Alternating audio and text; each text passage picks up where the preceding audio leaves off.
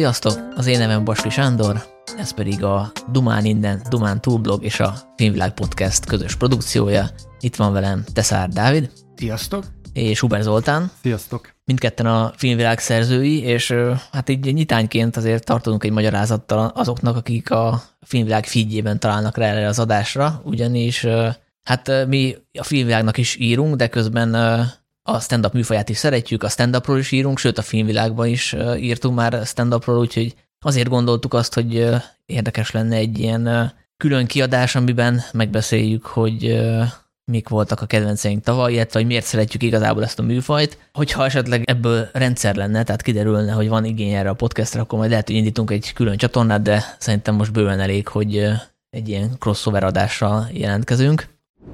Az előéletéről mindenki meséljen egy kicsit, hogy mikor és hol találkozott először ezzel a műfajjal, illetve lehet, hogy itt még definiálni is kéne, hogy mi is az a stand-up. Konkrétan, hogy például Hofi Géza stand-up-e, mert hogy nekem ő volt a, az első találkozásom a műfaja, és ráadásul úgy, hogy nem is láttam őt kezdetben, hanem a még általános iskolás koromban a viccei, a poénjai az általános iskola udvarán terjedtek ilyen anekdotaként, tehát hogy előbb ismertem a a poénokat mások elmondása alapján, mint hogy láttam volna, és utána az első találkozásom vele szerintem egy magnó kazetta volt. És ebből kiindulva én azt mondom, hogy amit ő csinált, az abszolút stand-up, mert hogy neki kvázi specialjei voltak, és hogyha megnézitek, akkor a különféle előadásai azok egy koncepció köré szerveződtek. Ugye volt, amikor beöltözött, nem tudom, nővérnek, vagy munkásnak, tehát hogy ez, ez abszolút kimerítette ezt a fogalmat, csak ugye akkor még nem tudtuk, hogy ez, ez, ez stand-upnak hívják. Nekem is abszolút Hofi Géza. Igen, szóval Magyarországon ez kicsit szerintem ilyen határeset, mármint, hogy mi, mi számít stand-upnak, meg mi nem, mert hogy vannak olyan stand akik magukat stand nevezik, de nem feltétlenül stand csinálnak. Viszont szerintem Hofi Géza abszolút stand-up, tehát tényleg ezek a magyar televízióban elcsíphető ilyen estjei, hát estek, tehát hogy alapba estek, azok tényleg egy-egy órás, gyakorlatilag specialok dalokkal esetleg, de, de abszolút. Nekem Hofi Géza mellett egyébként a Markos Nádas volt még ilyen, ami, ami már azért neccesebb, hogy az mennyire stand-up, vagy mennyire nem, de nekik is voltak ilyen, hát biteknek lehet nevezni, tehát egy ilyen 20-30 perces egy témára, akár így riffelgettek is, tehát improvizálgattak, főleg Bonc Gézával kiegészülve, és én abból nagyon sokat van egy pár barátom, akivel a mai napig uh, idézgetjük. Ez mind ilyen kazettán terjedt egyébként felénk is, tehát így magnóba betoltuk, és uh, valamiket így szarrá hallgattunk. De ami nekem egyébként stand-up, stand-up, uh, és első is megvan, az a Fábri. Fábrinak a, az Ótannenbaum, azt hiszem az volt az első, meg a vietnámi balzsam.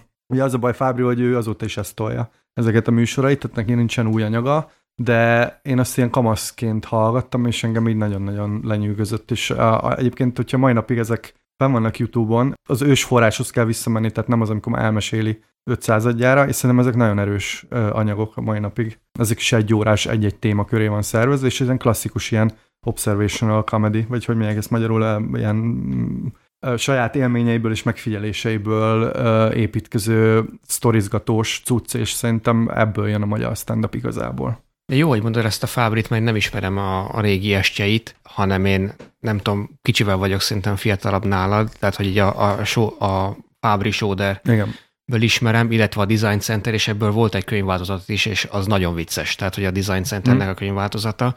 A Hofi az abszolút nekem is megvolt, de itt azért nehéz, nehezek ezek az elhatárolások, hogy hol fejeződik be a kabaré, mondjuk a Markos Nátásnál, és hol kezdődik a stand-up, mert Például úgy határolnám el az amerikaitól, hogy az amerikaiaknak azért komolyabb hagyománya van, mint stand-up, és ott is van egy ilyen szép evolúciós ív abból kiindulva, hogy voltak ezek a varieté műsorok, ahol voltak felkonferáló emberek, ezek az MC-k, és ezek az MC átkötő elemek, ezek fejlődtek ki később ilyen hosszabb bitekké, meg csánkokká, az, amikor majd több bit összeáll, azt mondják így csánknak angolul, és akkor így, így jöttek létre a, vagy az els, első stand-up előadók, de ez volt az evolúciója. A másik szerintem, hogy a stand-uphoz azért eh, kötődik ez az amerikai klubkultúra, ami nálunk, eh, csak nagyon későn jött be mondjuk a Godó Duma színházzal. Szóval, hogy már Amerikában azért ennek volt egy, egy kiépült eh, közege is, ahol, ahol ezek az előadók először felszólaltak, és ez Magyarországon ez már egy abszolút ilyen adaptált, tehát egy átvett modell volt a Godó részéről, és aztán most már ugye a Duma Színház a, a Corvin negyednél. Szóval, hogy ez nem is egy egyszerű dolog szerintem a stand meghatározni. Ráadásul a mai napig Amerikában vannak olyan előadók, a, mondjuk mondjuk a Mike Birbiglia, hogyha majd fogunk róla beszélni, hogy ott az egy ilyen one-man show, hogy az, vagy egy monodráma-szerű ö, dolog, és hogy akkor ott végül is az is stand-up, de mégis egy másfajta stílus is, meg kicsit más, mint, amit a, mint, a, mint akik mondjuk poénokat fűznek össze.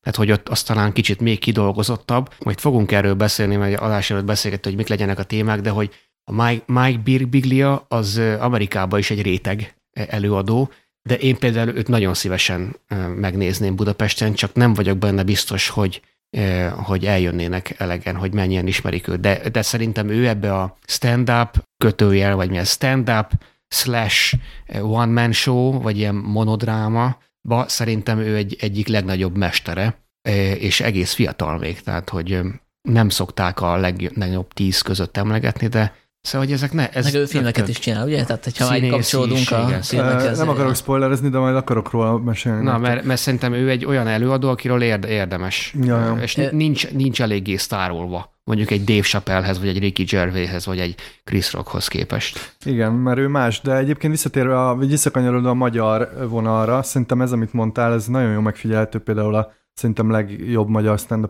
Bödős Tibornál, hogy ugye van a magyar hagyomány, ez a, szerintem ez ilyen kettős, egyrészt ez a vőfé vonal mm-hmm. az mhm. esküvőkön, tudjátok, így mondja ezeket a vicces rímeket, és ilyen vicces poénokat, meg, meg a konferencié, ugye a Pesti Kabaré, ugye Keller Dezső kiáll, fogja a függönyt, és szerintem ebből jön egy részt, és ugye megpróbálták ezt behozni, ezt az amerikai stand-up kultúrát, és például a Bödös Tibornál, hogyha megnézitek az estjeit, én mondjuk az újakat nem láttam, csak a, a, a kettővel, hárommal ezelőtt, itt ott ugye nagyon éles határvonal van két vonal között. Egyrészt vannak ezek a nagyon okos, nagyon belemenős, akár politizáló poénja, és aztán mindig vált, és jönnek a, a kocsmában a, a részegek, és erről írtunk is egyébként a Filmvilág blogon, hogy, hogy, hogy szerintem az mutatja nagyon jól a magyar stand-upnak az ilyen kicsit furcsa fejlődését, meg kettősségét, hogy, hogy egyszerre ilyen két irányt próbál összehozni, és ezt azért nem egyszerű mindig. Szóval Igen. Hát ugye egyik valószínűleg vidéke jobban teljesít, tehát a műfej humor, meg a hát, igen. anekdoták, a kocsmai anekdoták, a politikai cucc meg nem tudom, lehet a fővárosba. Lehet ez egy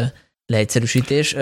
Viszont még visszatérnek egy pillanatra erre a Mike Birbigia témára, meg amit mondtál, hogy van man show és a stand-up közti uh-huh hasonlóság, különbség, hogy bennem ez akkor merült föl ez a kérdés, még gyerekként, amikor láttam a Nagy Bandó András, mert hogy nekem ő volt a másik ilyen, nem tudom mennyire ismeritek az ő... Igen, én egyébként ezt írtam fel magamnak ide a jegyzetembe, hogy Hofi, Markos Nádas, Nagy Bandó Szent Háromság. Igen, mert hogy a Nagy Bandó az már így gyerekként is föltűnt, hogy más csinál, mert a, a Hofiról azt tudtam, hogy ő, ő végül is a kabari hagyományba tartozik, viszont a nagybandó meg néha egészen ilyen depresszív, meg, meg sötét, meg szomorú témákat hozott elő, tehát ami Igen. kevésbé volt jellemző mondjuk a Hofira, tehát hogy a nagybandónál belefért az is, hogy nincs minden mondat végén poén. És szerintem ez is a stand-upnak a, a tulajdonsága, hogy, hogy nem kell mindent punchline-ra kivinni, és akkor itt nyilván lehet arról, arról vitatkozni, akkor most mi számít stand-upnak, meg, meg a one man show közt mi a különbség. Ugye ez a John Waters fellépés kapcsán merült, merült fel, aki ugye nemrég volt Pesten, de ugye tavaly volt a John Cleese is itt, ott is azért ez fölmerült, hogy ez most mi, amit látunk, mert ugye ő anekdotázgatott, mondott vicceseket is, de közben volt vetítés, levetített részleteket a, a Monty Pythonból, tehát hogy nyilván ez egy elég képlékeny határvonal, de hogy szerintem vannak magyar hagyományai stand abszolút. Én mondanék még egy élmény gyerekkoromból, ami azért később állt össze. Egyszer a Magyar TV valami, én nem tudom milyen okból, leadott egy Eddie Murphy stand-upot szinkronizálva. Ez fönn van egyébként a Igen, videón. ezt nem Sanyi, te meg is találtad és be is linkelted. Én ugye akkor még nem tudtam, hogy mi a stand-up, azt tudtam, hogy Eddie Murphy a vicces uh, csávó a Most egy másik szót Igen, ezt most már ugye 2023-ban nem mondjuk. Uh, és uh, úgy, úgy volt leszinkronizálva, hogy hallottad az eredeti hangsávot, halkan, ismeritek ezt a fajta uh-huh. Szinkronizást, és ugye hát Eddie Murphynek ez elég jellegzetes beszélstílusa van, meg ő ugye afroamerikai, tehát Turner György bármennyire is kurva jó magyar színész, meg jó szinkrohang, azért nehéz visszaadni a stand-upot, meg főleg, úgyhogy akit érdekel, ez egy nagyon bizarr emberkísérlet, mert hogy közben megy a röhögés, meg megy Eddie Murphynek a, az intonálás, és Turner György meg magyarul próbálja visszaadni a poénokat, ezek sokszor ilyen uh, afroamerikai kultúrára utaló, vagy szex, uh, nők, uh, sztárság, stb., hogy ő mit csinálna Michael Jacksonnal, stb. stb. Uh, nagyon bizarr. Én ezt gyerekkoromban láttam, tényleg azért néztem meg, mert Eddie Murphy, és nem tudtam még mi ez a stand-up. Neked külön bizarr, hogy a Dörne György ugye mi épes volt. Hát nem? na igen, ez, ez, egy külön, ez még egy külön réteg, de hogy nekem biztos vagyok benne, hogy ez volt az első amerikai stand-up, amit láttam. És, és ez melyik estje volt az Eddie Murphy-nek? A Delirious. Na, az, hát az, az egy csúcs. És az egy csúcs est egyébként. Szerintem az a legjobb anyaga. Igen, igen. Hát meg ugye akkor volt ő a csúcson. Tehát ugye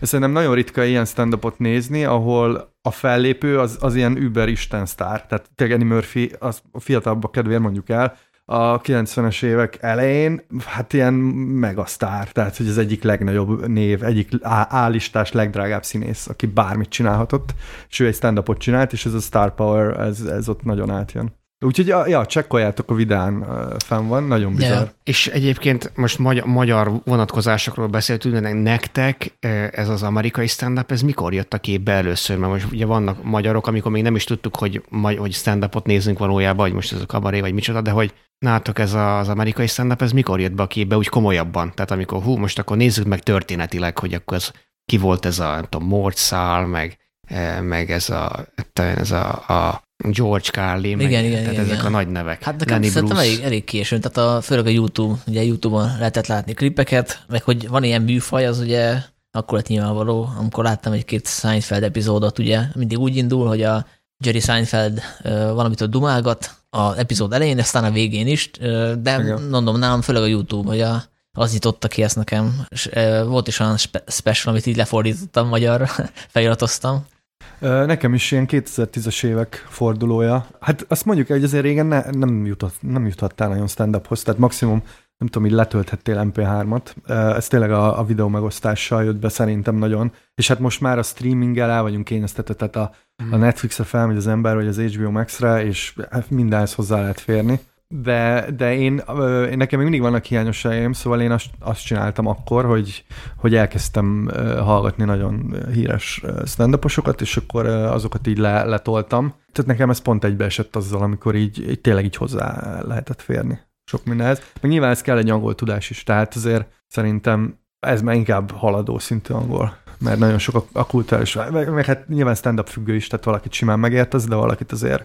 még most sem feltétlenül mindent. Ja. És neked, Dávid? Én a 2000-es évek végén töltöttem le nagyon sok ilyen anyagot, az volt a Comedy Central Presents. Ez egy 30 perces anyagok voltak, hát egy ilyen kis special gyakorlatilag, és ott már bemutatkoztak olyan arcok, akik azt most már a szupersztárok. Tehát, hogy akkor ez a és ez az adás maga azt szerintem 2000-es évek eleje, tehát hogy a Comedy Central Presents, és akkor ezt néztem így valamikor 2009-10 körül, tehát mondjuk így majdnem 15 éve már, és akkor hú, ez, vagy, hú, ez így nagyon érdekes, és pont vizsgai időszak volt, és akkor ez volt, hogy így vizsgák között, vagy amikor nagyon kicsit mélyebben voltam, vagy akkor ez a, a stand-up, vagy, és akkor ezt így nagyon, ebből nagyon sokat megnéztem ebből a formátumból, és akkor akkor kezdett el érdekelni ez az amerikai vonal. Még azt akartam megkérdezni, hogy élőben miket láttatok még mielőtt ugye elindult volna ez a vonulat, ami most van, amit a, ugye a Boda szervez, hogy idehoz angol, illetve amerikai komikusokat, hogy előtte esetleg, amikor elindult a Duma Színház, Voltatok-e magyar stand vagy még előtte, Duma Színház előtt? Én voltam, én már nagyon korán voltam, még amikor a, a Soder Klub indult, akkor ugye az, az első pár évad, de azt szerintem jóval erősebb volt, mint a mostani. Én már nem is nézem egyébként, de, de akkor, akkor tényleg ilyen kőhalmi voltam többször, én nagyon szerettem. Bödőcsön is voltam, és voltam ilyen vegyes esteken.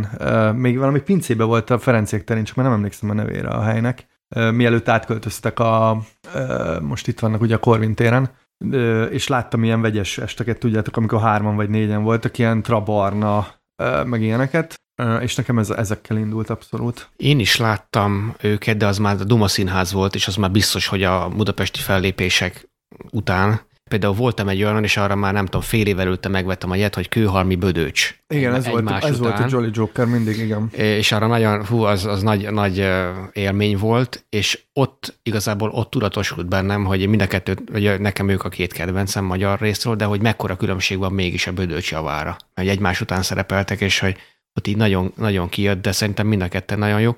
Én mondjuk már nem követtem a magyar stand egy ideje, ugyanúgy, mint a Zoli, úgyhogy nem, nem vagyok igazából képbe, főleg a, az újabb e, nevekkel. A másik ilyen nagy élményem, amikor New Yorkban voltam, az 2019, szerintem a Louis C.K. már ő járt akkor már megvolt az első budapesti fellépése, de hogy voltam a Comedy Cellarban, ami New Yorkban a, a, talán az egyik e, legnagyobb, és és ott felfedeztem olyan neveket, akik az, igazából most, most, fognak, most futnak be. Például a Mark Normand, akiről ott hallottam először, és tudtam, hogy kicsoda, de hogy nagyon-nagyon vicces volt a csávó, és most rögzítette idén márciusban a Netflix specialjét, úgyhogy idén valamikor az ki fog jönni. Na ő egy olyan fiatal, azt hiszem 34-5.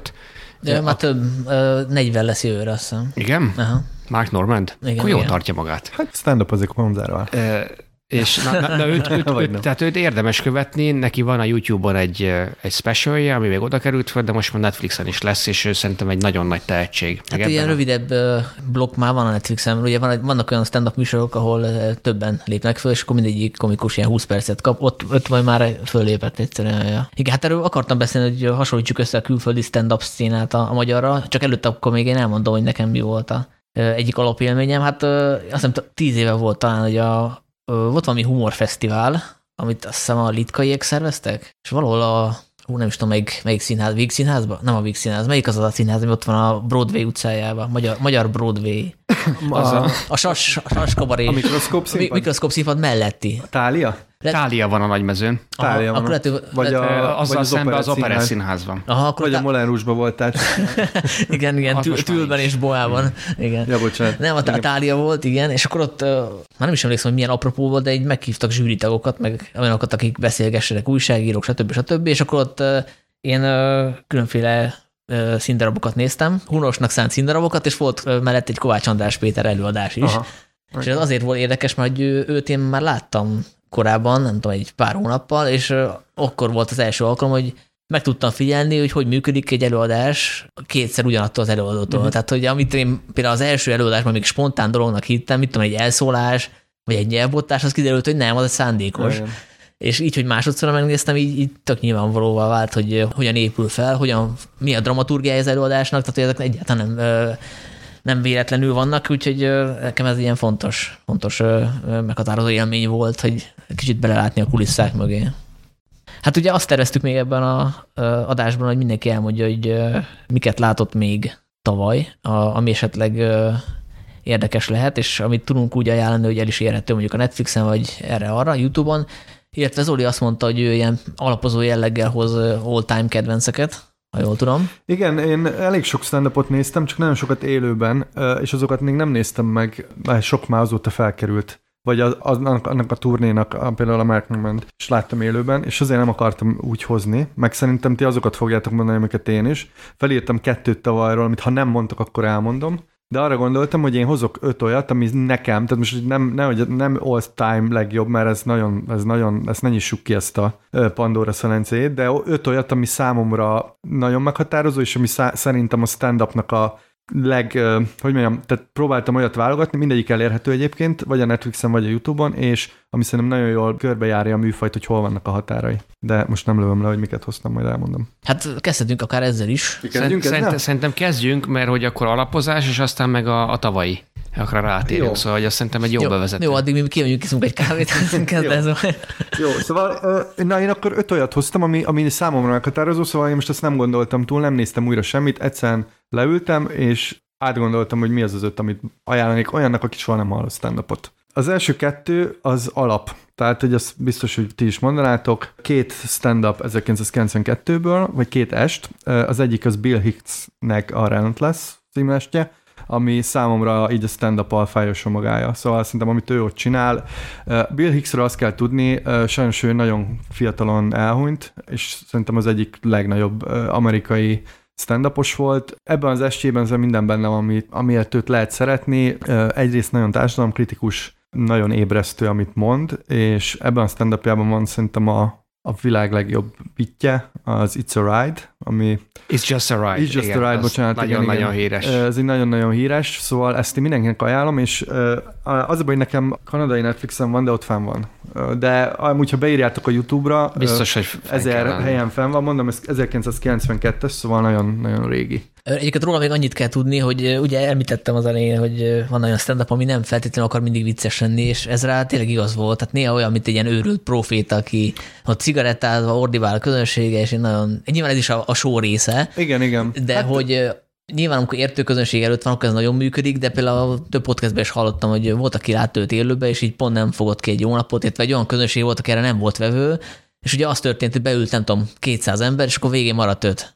Mert, hogy, mert, igen, mert igen. Higgset egyáltalán nem zavarta, hogy kimennek. Tehát ugye általában az történik egy ilyen stand hogyha a közönség nem veszi a poénokat, hogy akkor a komikus akkor előveszi a jó bejáratott, nem tudom, fingós poénokat, és akkor arra már működni fog. A Higgs meg ugye leszarta, tehát ő előadta, amit akart, és hogy közben kimegy a közönség 90%-a, hát így járta. Hát aki látta esetleg az Ember a Holdont, amiről beszéltünk a Filmvilág podcastben egyszer, ugye Andy Kaufman is ezt csinálta, hogy, hogy nagyon belemenős dolgokat csinált, és ennek itt is kérdés, hogy stand-up az, hogyha kiáll egy egyetemi közönséggel, és elkezdi felolvasni a nagy Gatsby-t, és végolvassa. De mondjuk a Kaufman azért az a Hicksnél is nagyobb ilyen formabontó. Hát tehát, igen, hogy, ott, hogy az ott már a, teljesen... a határokkal való kísérletezés van nála.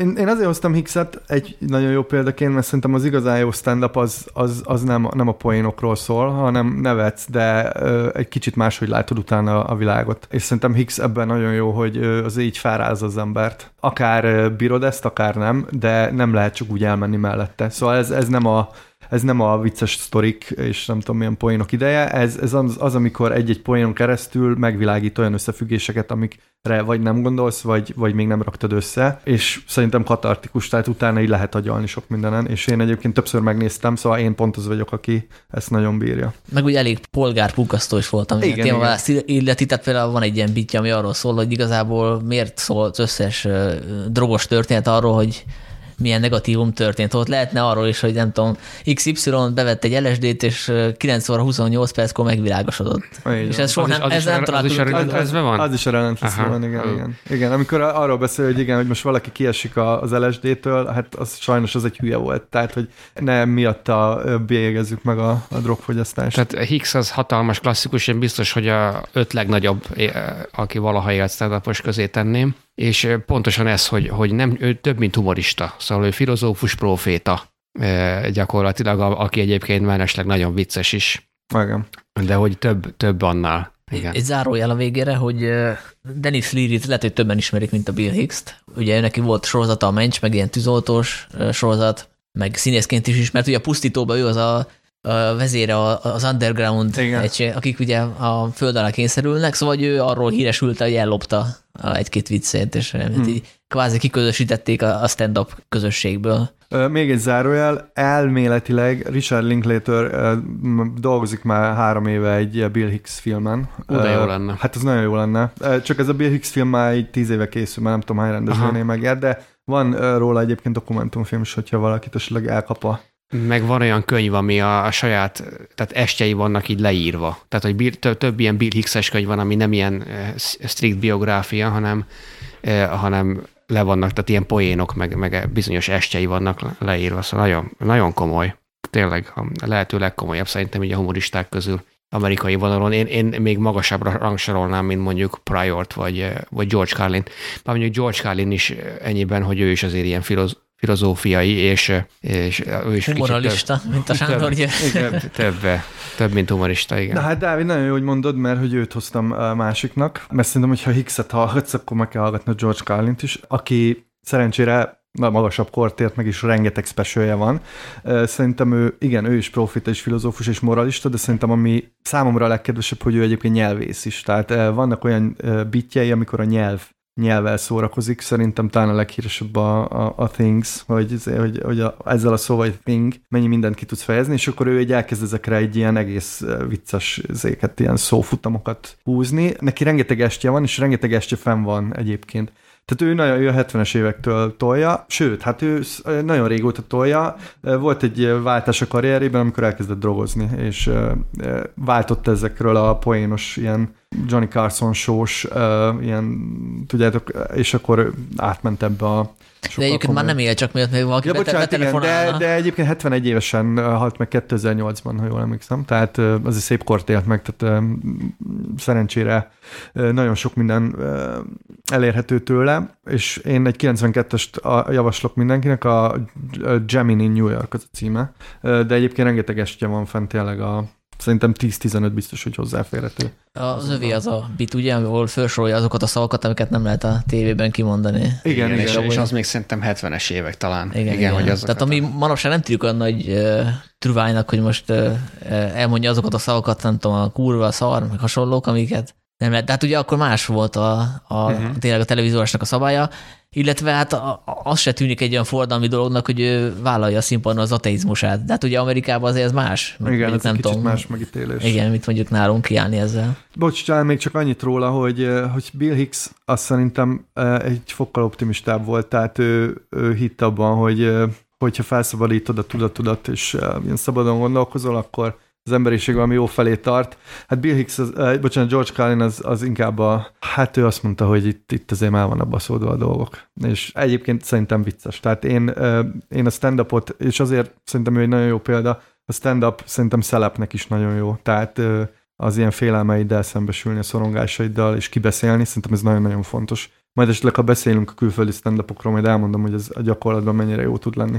Carlinnál az számomra abszolút, eh, nem is tudom, lebilincselő, vagy, vagy eh, ezt így nehéz, nehéz így felmérni, hogy ő mindig meg tudott újulni. Tehát most mondtál, hogy volt neki egy ilyen váltása, de neki szerintem több, több váltása volt, is igen. volt, és hogy ugye Bill Hicks ő fiatalon meghalt, de Carlin még idős korában is azért nagyon ez a pushing the envelope, tehát ő mindig ott volt, hogy még mi az, ami belefér, mi az, ami nem, és... De ő eleve nem 50 pluszosan lett igazából olyan találta meg a saját hangját? De, de, de. És én, én nem emlékszem a fiatal Carlinra, hogy uh, ennyire kiemelkedett volna. volt neki a PC korszaka, amikor még így smokingban, meg ez igen, ez a Johnny Carson, és akkor utána volt neki egy váltása, amikor már az a szabad szájú, és akkor minden így, így cenzúra nélkül ment, és akkor volt például ez, végül is ezzel híresült, amit mondtál, ez a, azok a, az a né, nem tudom, hét szó, amit nem lehet kiejteni, és akkor az, az volt neki a nagy áttörés. De hát az a 70-es években volt, szóval még a 2000-es évek vége fele is voltak estjei, szóval, hogy, hogy 2000, tehát 2000-es évek közepén is.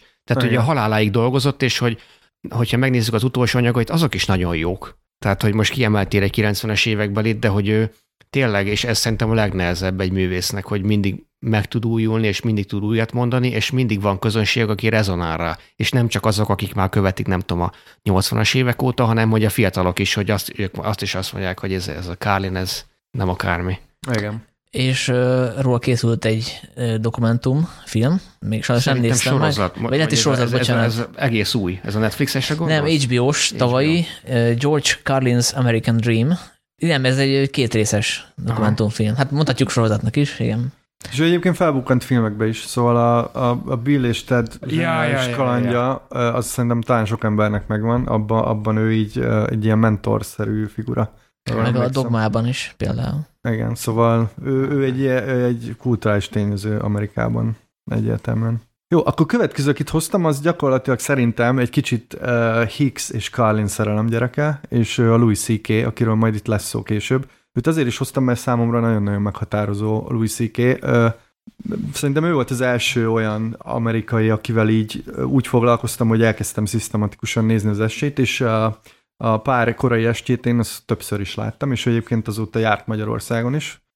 Kétszer? Kétszer, és Sanyival voltunk, sőt, azt hiszem te is ott voltál. Uh-huh. Szóval így, akkor mind a hárman ott voltunk a budapesti fellépésen, és hát neki ugye volt a nagy botránya, és ő most jön vissza, úgyhogy majd... Hát a második visszatérés az már akkor volt, a botrány után volt. Uh, igen, tényleg, ez igaz, igazad van. Igazad Amikor van. Budapesten járt, igen, és azzal is kezdte, hogy nektek milyen volt a legutóbbi két év, vagy nem igen, is igen, igen. Amit csak azért nem jutott akkor át az a poén, mert előtte kiszivárgott sajnos a, az estének, nem tudom, hogy 20 perc, perc és ebben benne volt. Igen. Meg volt olyan poén is, ami ami benne volt ebben a uh, internetre fölkerült részben, és akkor gondoltam, hogy ezt már nem teszi bele a specialbe, de beletette. Úgy volt vele, hogy most ő nem a kalózoknak készíti az adást. Igen, igen. Szóval amit ő csinál, az egy ilyen, most már egy kicsit más csinál, de a korai anyagai azok ilyen őszinte élveboncolások a házasságáról, a gyerekeiről, a saját életéről beszél egy olyan nézőpontból, hogy ő egy ilyen elhízott szerencsétlen arc, New Yorki, és szerintem nagyon-nagyon magas szintet művelt. Szerintem most egy kicsit visszaesett, de ez betudható ezeknek a amik történtek vele. Amit ajánlok mindenkinek, az a Hilarious című este 2010-ből, de egyébként uh, szerintem bármelyiket meg lehet nyugodt szívvel nézni. Uh, nagyon, nagyon, nagyon izgalmas. Én először úgy találkoztam vele, hogy a Vostriferi, a Geeks-nek a főszerkesztője, megosztott azt a Twitteren egy részletet a Bag of Dicks nevű uh, bitje, nem tudom, megvan-e, Igen, szerintem azt tudom melyik. És hát megnéztem, és úgy voltam vele, hogy hát ez, ez nagyon legalja, tehát hogy ebbe, ebbe semmi vicces nincs, így kontextusból kitélve, ez ilyen prostó humor, nem tudom, ez miért érdekes. Úgyhogy egy-két évig nem is fogyasztottam. Aztán nyilván megnéztem egy special, tehát elejétől a végig, és úgy azért már egy helyre került. És hát azt nem gondoltam volna akkor, hogy a Louis C.K. lesz az a, a stand akit a legtöbbször látok eddig, mert a, azt a Bödőcs van kettővel, őt kétszer láttam élőbe, most a Tom Segura lesz, mert most megnézzük az adás után őt. És a Louis meg háromszor láttam eddig, úgyhogy élőben, úgyhogy az, az igen, váratlan, váratlan fordulat. Nagy, nagyforma a CK, tök jó, hogy beszél erről a magyar vonatkozású, tehát a családi felmenőiről mindig, amikor Budapesten jár, akkor ezzel kezdi, tehát ez az is egy érdekes vonal, hogy a székelyből hogy lett CK, CK, hogy egy könnyebb kimondani, és egyetértek az Olival abba, hogy szerintem, hogy manapság már most meg, megnéztem a legutolsó anyagát, amit a, megint a saját honlapjára tett föl, ez a Live Dolby, Szóval, hogy Erről majd beszélünk külön Mindenképpen, de csak hogy annyit, hogy, hogy maga ez a trend, hogy amit úgy képvisel, hogy most már nekem, nekem nagyon cinikus, meg nihilista. Tehát, hogy most már ez az abszolút a sötétebbnél sötétebb dolgok vannak, ami, ami már inkább ilyen számomra öncélú provokáció. Tehát, hogy így azon nevet, hogy hogy elszörnyűködik a közönsége az ilyen, nem tudom, pedofil, meg ilyen poénokon.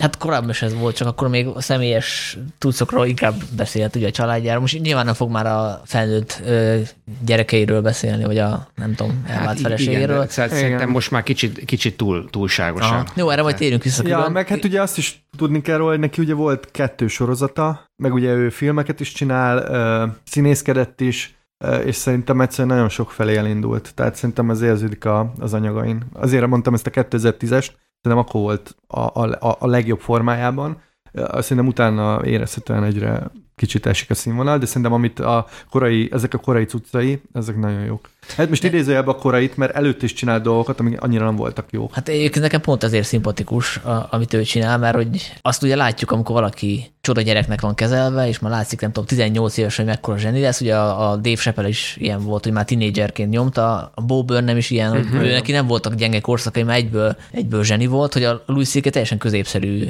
komikusként indult. Lehet, hogy annál egy fokkal jobb volt, de hogy igazából most nem beszélnénk róla, hogyha ha nem történik vele a, hát a nagybetűs élet tulajdonképpen, hogy megházasodik, lesz két gyereke, és onnantól kezdve van témája, és ő is lenyilatkozta egy párszor, hogy egy idő után elege volt belőle, hogy ugyanazokat a poénokat tolja, amit a többi komikus, nem is cseréli, cseréli le az anyagait, és akkor egyszer elhatározta, hogy akkor innentől kezdve hát nem érdekelnek a következmények, így kimondja, amit, amit akar, amit gondol a színpadon, tehát ilyen radikális őszinteséggel, és onnantól kezdve alakítottak ki a saját stílusát, és hát lehet, hogy ennek a következménye egyébként az is, hogy utána hát vállásra végződött a házasság ennek a radikális őszinteségnek. Meg nem ő mondta ezt, hogy, hogy amikor elege lett ebből az egészből, hogy önismétlés, hogy, hogy amikor fölvesz egy anyagot, akkor az egészet kidobja. Tehát, hogy nem használ föl semmi régebbi poént. Hát igen, e- hogy ezt csinálta, évente, nem tudom. Évente. Nyilván most már ez a, ez a standard, de hogy akkoriban, hogy akkoriban ez egy új volt, meg hogy a, az előző estből azzal nyitja, meg ami, vagy amit így begyakorolja a biteket így a klubokba, és akkor azzal nyit, ami a régen az zárópoénja volt, és akkor, hogy, hogy rákényszerítse magát, hogy, hogy összerakjon egy újabb egyórás anyagot, és azért, és azért ő nagyon termékeny volt, a, tehát hogy majdnem évente Igen, hozta ki. Igen, 2006 és 13-4 között majdnem, majdnem, hogy évente kijött. És ez szerintem pont ennek a munkamódszernek köszönhető, hogy ezt így rákényszerítette magát, amit egyébként a, a más komikusok két-három év alatt csinálnak egy estet. Ugye az add, addigra van kigyakorolva, addigra van meg a, a turné, szóval, hogy ő, azért tényleg ott volt, és ez, ez szerintem egy jó, az a 2000-es évek vége, 2010-es évek eleje. Szerintem ez a Louis-val egy időben volt ő a csúcson, tehát a saját sorozata, ami egyébként az is róla szól, meg csomó ilyen stand betét van benne. Igen. És a, a, az idő tájt készült önálló estjei, szóval az, az volt neki a csúcs. Ja, ja, az zseniális az a sorozat, azt ajánlom mindenkinek. Hát a, azt hiszem, az HBO-n volt fönn talán, csak ugye nyilván Igen. a botrány után leszették, leszették és... Ja. De most a saját honlapján árulja. Ja, ja, ja és egy nagyon jutányos áron, meg hát nyilvánvalóan internet sötét zugaiból lehet tölteni. Igen. Jó, mehetünk tovább. Mondjam szerintem. a következőt? A, akkor ő már szóba került, nekem ő a nagy kedvencem, az abszolút egyik nagy kedvencem, ez a Mike Birbiglia és a, ami számomra az egyik legkedvesebb, neki is több specialje fenn van Netflixen, elérhető, én azt ajánlanám mindenkinek a My Girlfriend's Boyfriend, ami egy 2013-as est, és hát itt igen, tehát itt, itt eljutunk ahhoz, hogy, hogy ez vajon még stand up -e, vagy már színház, one-man show, monodráma, nem tudom mi. Azt kell tudni róla, hogy, hogy elképesztően jól tudsz sztorit mesélni, és ez egy ilyen egészen komplex, olyan, mint egy regényt olvasnál. Szereplők életre kelnek, szálak elindulnak, flashbackek vannak benne, előreutalások, és szerintem vicces, tehát nem arról van szó, hogy, hogy itt így farccal nézed, mint valami Dostoyevsky regényt olvasnának neked, de, de ez nem ilyen tércsapkodós valami, hanem például ez az este arról szól, hogy hogyan ismerkedett meg a későbbi feleségével, és hogy hogyan estek szerelembe, és hogy mennyire nem hittek a házasságban, és hát most akkor spoiler, de ugye összeházasodnak a, a végén, és elképesztően, elképesztően jól van kibontva, és tényleg nekem ez a, tényleg olyan, mint a színházba mennél, tehát nekem ez a, ez a stand-upnak az a végpontja, ami, ami szerintem így a legmagasabb, vagy én legalábbis a legmagasabbra tagsálom, ezek ilyen katartikus élmények, tehát tényleg olyan, mint irodalmat fogyasztanál. És ezek fogyaszthatók többször is, mert én például a Louis c az összes specialjét megnéztem kétszer-háromszor, és van úgy, hogy másodszor, a harmadszor még jobban is tetszik, akkor veszem észre azokat a finom rezdüléseket, gesztusokat, és, és még inkább működik. Egy ilyen történet alapú stand az... Szerintem azért működik, mert ugye nagyon sok irányba elindul, és nagyon sok ilyen visszautalás van, és uh, én uh, egyszer úgy jártam ez, pont ezzel az este, hogy csak bele akartam hallgatni, és így azt vettem észre, hogy így le, lement az egész. Őről azt kell tudni egyébként, hogy ő színészkedik is. Tehát kurva jó előadó, tényleg nagyon-nagyon jó előadó. És szerintem nagyon sok minden több hallgatásra jön ki, hogy, hogy mennyire át van gondolva a szerkezet, hogy mennyire, mennyire épít egymásra, szóval hogy mondjam, szerintem akit érdekel ez a műfaj, még akit érdekelnek a fogaskerekek, a, hogy mondják ezt a motorházban, annak például őt érdemes tanulmányozni ilyen szinten is, hogy többször meghallgatja, mert szerintem így lehet egy, egy estet összerakni. Szóval én nagyon sokszor azért vagyok csalódott egy est után, mert nem érzem a nem érzem az átívelő nagyobb íveket, vagy hogy mondjam, szóval, hogy, hogy tök jó poénok vannak, meg bitek, csak úgy valahogy szétesik az egész. Most nem azt mondom, hogy mindenki legyen Mike Birbiglia, de hogy, de hogy én, én engem ezzel meg lehet venni, amikor van, egy, van valami kohézió. És szerinted a Birbigliához hasonló ember van, aki mondjuk ezt a fajta műfajt ilyen szintre fejlesztette, vagy már egy magasabb szinten űzi? Hát ez nehéz kérdés. Szóval szerintem ezért, ezért lenne őt látni, jó lenne látni Budapesten, mert annyira különleges, amit csinál, nem nagyon van hozzá hasonlítható most. Szokott tud nézni a usa kívül is? Nem hiszem, szerintem. És én láttam Torontóba, egyébként ezt akartam mondani abba a blogba, hogy ki a legjobb, de majd akkor mondok egy másikat. Mármint melyik le volt a legnagyobb élményem tavaly. És uh, például ő úgy jött Torontóba is, hogy egy kisebb helyszínre tették. Még egy kisebb helyszínre tették, mint mondjuk Mark Maront, vagy, uh, vagy főleg a, a Trevor Noah-t, meg ezeket ugye stadionokba tolják. Ő egy színházba volt háromszor egyébként, tehát sold out volt a színház, de, de ő nem az a tömegeket vonzó valaki, és a közönség is olyan volt. És nagyon érdekes volt, hogy ő nála nem volt például felszopó ember. Na, akkor, Hét, akkor ebben is hétre különbözik. Volt, hétre volt kiírva, és hétkor elkezdte. És ugye Torontóba hozzá vannak szokva az emberek, hogy így később érkeznek mindenhova, mert hogy nagyon sok még a mennyi el sörér, meg nem tudom mi. És uh, még jöttek be négyen uh, negyedkor, és összefoglalta nekik, hogy na eddig az történt, hogy így odahajolt hozzájuk. És uh, nem esett ki, tehát hogy elképesztő volt élőbe látni, wow. hogy ez mennyire, mennyire jól tolja a csávó. És egyébként uh, én valami ilyen nagyon ez az új estje, ez ilyen egészségügyi problémákról szól, és hogy a lánya, ugye az előző rész tartalmából akkor született a lánya, akit szintén így nem akartak gyereket vállalni, és aztán mégis itt most már arról van szó, hogy a lány egy picit nagyobb, és neki egészségügyi problémái vannak, és hogy ez milyen konfliktusokat okoz. Most nem akarok itt spoilerezni, mhm. egyébként uh-huh. elmondom nektek az új esnek a címét, ami szerintem egészen zseniális. Remélem, hogy lesz ebből special biztos, hogy lesz. valahol, de hát szerintem biztos lennie. lesz. The Old Man and the Pool, Aha. ami ilyen hülyén hangzik, de amikor kiderül, hogy miért ez a címe, azt hiszem ilyen katartikus, ilyen pofán ütős dolog. Erre van felfűz az este, ez egy ilyen tematikai dolog, amit többször visszaköszön, és ezt elképesztő volt látni élőben, hogy ezt hogy hozza le. Mennyi, annyira őszintének éreztem, mint hogyha hozzám, hozzám beszélni, mint hogyha leülnék vele sörözgetni és elmesélni ezeket a dolgait, és nagyon súlyos dolgok kerülnek szóba, nagyon könnyedén, és tényleg szerintem ő, ő, ő nekem most így a top, aki így. Ő mennyire hajlítja a valóságot a, a dramaturgiához, mert ugye azt tudjuk, hogy amikor a stand elmond egy point, akkor néha nyilvánvalóan a poén kedvéért beletesz olyan dolgokat, amik nem történtek meg. De ha valaki ennyire saját magából építkezik, akkor, akkor azért fura lenne, hogyha mondjuk nem tudom, ilyen családi sztorit költene. Hát nem tudom, figyelj, amiket itt elmondott ebbe az esbe, az, azt, azt én mindet el tudom hinni. Hogy mondjam, érted most Aha. az, hogy... Az, hogy És hogyha legközelebb nem történik semmi érdekes, akkor mi lesz Igen, de hát nem véletlenül telt el azt hiszem öt éve az előző. Tehát, hogy ő, ő a Louis C.K.-ről beszéltünk, hogy évente kihozott valamit. Itt azért ilyen nagyobb, azt hiszem négy specialja van összesen 12 év alatt. Tehát, hogy itt, itt nem arról van szó, hogy ő így paf, paf, paf darálja. És egyébként még, még egy dolog, hogy mennyire jó sztori mesélő, azt hiszem a, pont ebből a stand ebből a My Girlfriend's Boyfriend, ebből film készült. Tehát ez, ez gyakorlatilag forgatókönyvként is megállja a helyét, mert hogy olyan csavaros a sztori meg, izé, hogy, hogy ebből lehet filmet is csinálni. Azt nem tudom, hogy ezt kicsinálja, meg mikor, er, erről így volt szó, úgyhogy reméljük, hogy majd látjuk ezt valamikor.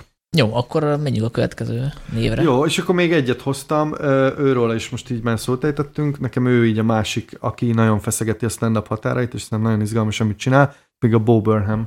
Uh-huh. És az Inside című, hát nem is tudom mi ez, nem hát tudom, ez... hogy stand-up-e vagy nem stand-up, ez már tényleg nagyon határ. Netflixen fenn van, egyébként a Dávid, te írtál róla egy nagyon szuper kritikát a filmvilágban, filmvilágban nyomtatott filmvilágban, de azt hiszem uh-huh. már az archívumban egyébként elő lehet böngészni ha jól emlékszem. Szerintem ez, ez a másik. Tehát ő, ő, ő valami egészen fura dolgot csinál, egy ilyen nagyon introvertált uh, valamit. Őről ugye azt kell tudni, hogy ilyen YouTube, youtuberként indult, akkor, amikor még a youtuber szó nem létezett. Tehát ilyen tinédzserként dalokat, vicces dalokat pakolt fel, és ő valami elképesztően jó, jól tud zenét írni. Tehát ezt egy adáson kívül beszéltük többször, hogy ha ő slágergyártásra adná a fejét, akkor ő ilyen világslágereket írna. De annyira dallamos és ilyen catchy fülbemászó dalai vannak. Akit érdekel, és nem tudja, hogy ki ő, írja be, hogy nem is tudom, mi az dal címe, ami az internetről szól. Szerintem The Internet The Song. Internet Song, Internet talán, song. vagy valami ilyesmi. Bo Burnham Internet írja be a YouTube-ba, hallgassa meg. Tehát az szerintem így csúcs. Nekem is nagyon tetszett, de itt meghúznám a stand-up és a határműfajok közti határ, határt, mert hogy, mert hogy tényleg itt nagy részt énekel. Vannak olyan stand is, ahol dumál 10 percet az előadó, aztán énekel egyet, Netflixen is van fönn, most nem fog eszembe jutni egy nő, aki ilyen nagyon teátrális stílusban énekel, de itt tényleg az, az arány az már így fölborult, tehát 90% zene, 10% monológ, de ettől függetlenül zseniális. tehát, azért hogy... hoztam provokációs célra. De igen, a, meg, hogyha, meg. hogyha stand-upot akarsz nézni tőle, az előzője, a, azt hiszem annak az cím, hogy What, ahol szintén vannak ilyen, már, már ilyen 10 perces ilyen, hát nem is tudom, ilyen rant. Tehát ilyen zenei alapra monologizál, hogy ezt a papok csinálják, nem tudom, ezt ennek mi a magyar megfelelője. Tudjátok, ami kántálás. Szóval itt, itt, itt már vannak ilyen, ilyen részek is. Aha, recitál. Recitálás. Én, azaz, arra gondoltam. Ja, Aha. egyébként YouTube-on kezdte, tehát hogy YouTube-ra töltögette fel a cuccokat, és nagyon gyorsan sikeres lett, és emiatt, vagy hát nem tudom emiatt, de hogy ilyen kvázi pánikrómai lettek, tehát úgy döntött, hogy befejezi ezt az egész stand-up témát, és akkor jött a világjárvány, és kedve lett visszatérni a műfajhoz, hát úgy tért vissza a műfajhoz, hogy egy szobába fölvette saját magát, tehát nem közönséggel. Igen, hát ez a pandémia is, ugye? De ja, szóval ezt most nyilván ilyen provokációs célra hoztam, de ez is hozzáférhető, és tényleg mindenkinek ajánlom. Hát végül is stand-up is, meg sketch comedy, tehát ő kitalál magának ilyen sketch comedy mondjuk több, több szereplőt, és ő, hát, tehát hogy nagyon, nagyon kreatív a csávó, meg tehát ő tényleg ez a multitalentum, ahogy mondja is az Zoli, tehát hogy mindenhez is ért tehát hogy ő vágja, mert hogy ugye ő rendezett is filmet, tehát hogy ahhoz is ért, akkor az egész fényeket, ahogy megcsinálta, tehát ez világítás technikus is egy kicsit, zeneszerző, akkor tud zongorán játszani, jól énekel, közben azért szövegírás is, tehát hogy a dalszöveg, meg egyébként amit ír magának szöveget, amilyen stand-up betét, egészen különleges és egyedülálló. Jó listát hoztál. Jó, Na, ez örülök, egy jó lista. Örülök. Szerintem a, ezzel így el lehet indulni, aztán utána remélem, Van benne ré, régi és új is, tehát van, aki már nem él, van, aki tök jó. Tök jó lista hát volt. Persze, ez, e, értitek, ötöt összeszedni, hát ez ilyen lehetetlen vállalkozás, és nyilván rengeteg nagyon nagy név maradt ki, meg rengeteg különböző irány maradt ki, meg rengeteg réteg műfaj maradt ki, de talán ja, Hát, hogyha legközelebb lesz adás valamikor, nem tudom, Zoli, megint hazajössz. Akkor még, még hozzá ötöt. Nem, nem, hozok akkor, akkor Dávid hozol, te hozol ja, ötöt, jó, vagy okay, én, jó, vagy én. Jó. És akkor mindenki Na, jó, ez... körbe jár. De okay. mondjuk most képzeld el, aki ezekkel kezdi, utána már csak az a baj, utána már hát... csalódni fog a stand mert itt most az abszolút Jó, ilyen... nem hoztam még a... Prior-t például. Aha, igen. Na mindegy, most még lehet. De hogy, de hogy érted, csúcsembereknek az ilyen csúcs előadásait igen. hoztad. Hát lefölöztem a tejszint, vagy hogy mondják ezt. A... igen, igen. Na jó, akkor szerintem áttértünk a harmadik napi rendi pontra körülbelül, ugyanis Dávid, ami nem all-time kedvenceket hoztunk, hanem olyan előadásokat, amiket tavaly láttunk. Én azt hiszem, hogy olyan előadásokat most nem hoztam, amiről a, a Dumán innen Facebook oldalon írtam, mert hogy az már le lett fedve, uh-huh. hanem amiket esetleg még megírhattam volna, de nem írtam meg, mert illet volna. Lusta, vagy. lusta vagyok, igen, meg, de illet volna a koncepcióban, mert megérdemelte volna az adott special, hogy beszéljünk róla, úgyhogy én mondok egy címet, aztán Dávid te is, aztán lehet, hogy lesznek átfedések, sőt, biztos vagyok benne, hogy lesznek átfedések. Hát a legkülönlegesebb az a Norm McDonaldnak a Nothing specialje, az utolsó specialje. Róla azt kell tudni, hogy elhúnyt tavaly, kilenc éve küzdött a rákkal, de erről egyébként nem beszélt senkinek, úgyhogy mindenki nagyon megdöbbent azon, ő nálunk szerintem annyira nem ismer, de hogy Amerikában ilyen kultikus figurának számított, de inkább ilyen comics komik volt, tehát hogy olyan, olyan komikus, akit leginkább a, a kollégák istenítenek, és hát nem tudom, hogy ti mennyire ismertétek az ő munkásságát, de én kvázi csak a show műsorokból. Tehát ugye a Saturday Night Live-ban kezdte, a, ugye van, vannak ilyen álhírek, álhír rovat, ott volt a hírolvasó, ott is elhíresült egyébként, mert rengeteget poénkodott az O.J.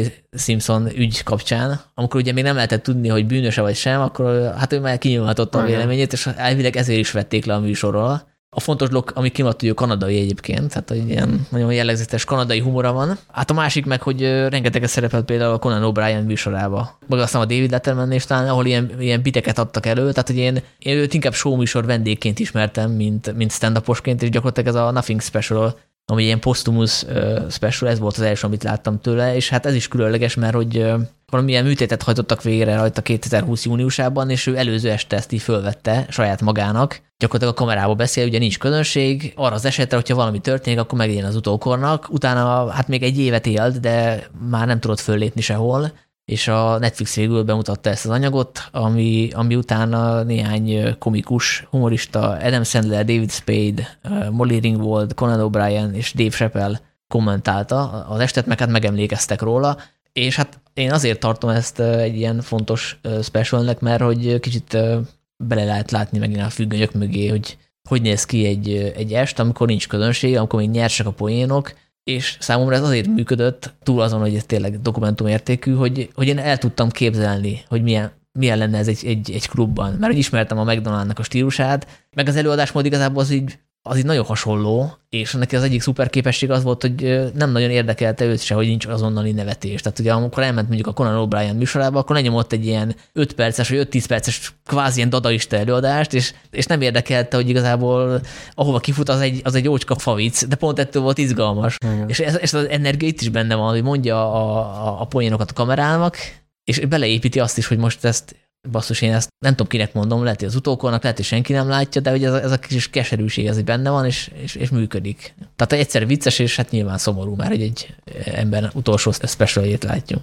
Én is csak YouTube-ról ismerem, ugye vannak ilyen nagyot menő videói, amit mondtál, ez a favic, ezt szerintem egy, egy, egy kurva jó tehát egy ilyen, tényleg egy ilyen 5 perces setupot mond egy, egy nagyon-nagyon rossz vicchez, és nyilván azon röhögsz egy idő után, hogy ez... Nem a csattan a fontos, hanem hogy Igen, a, a, maga a felépítés, és uh, ja, egyébként neki volt eszem egy uh, szitkomja is, talán onnan ismerhetik így szélesebb közönség, uh, és tényleg egy jellegzetes kanadai arc. Tehát... Igen, meg a Netflixen volt valami beszélgetős műsora, de az is ilyen dadaista volt, tehát hogy ilyen hülyeségeket kérdezett a vendégektől, meg hasonló.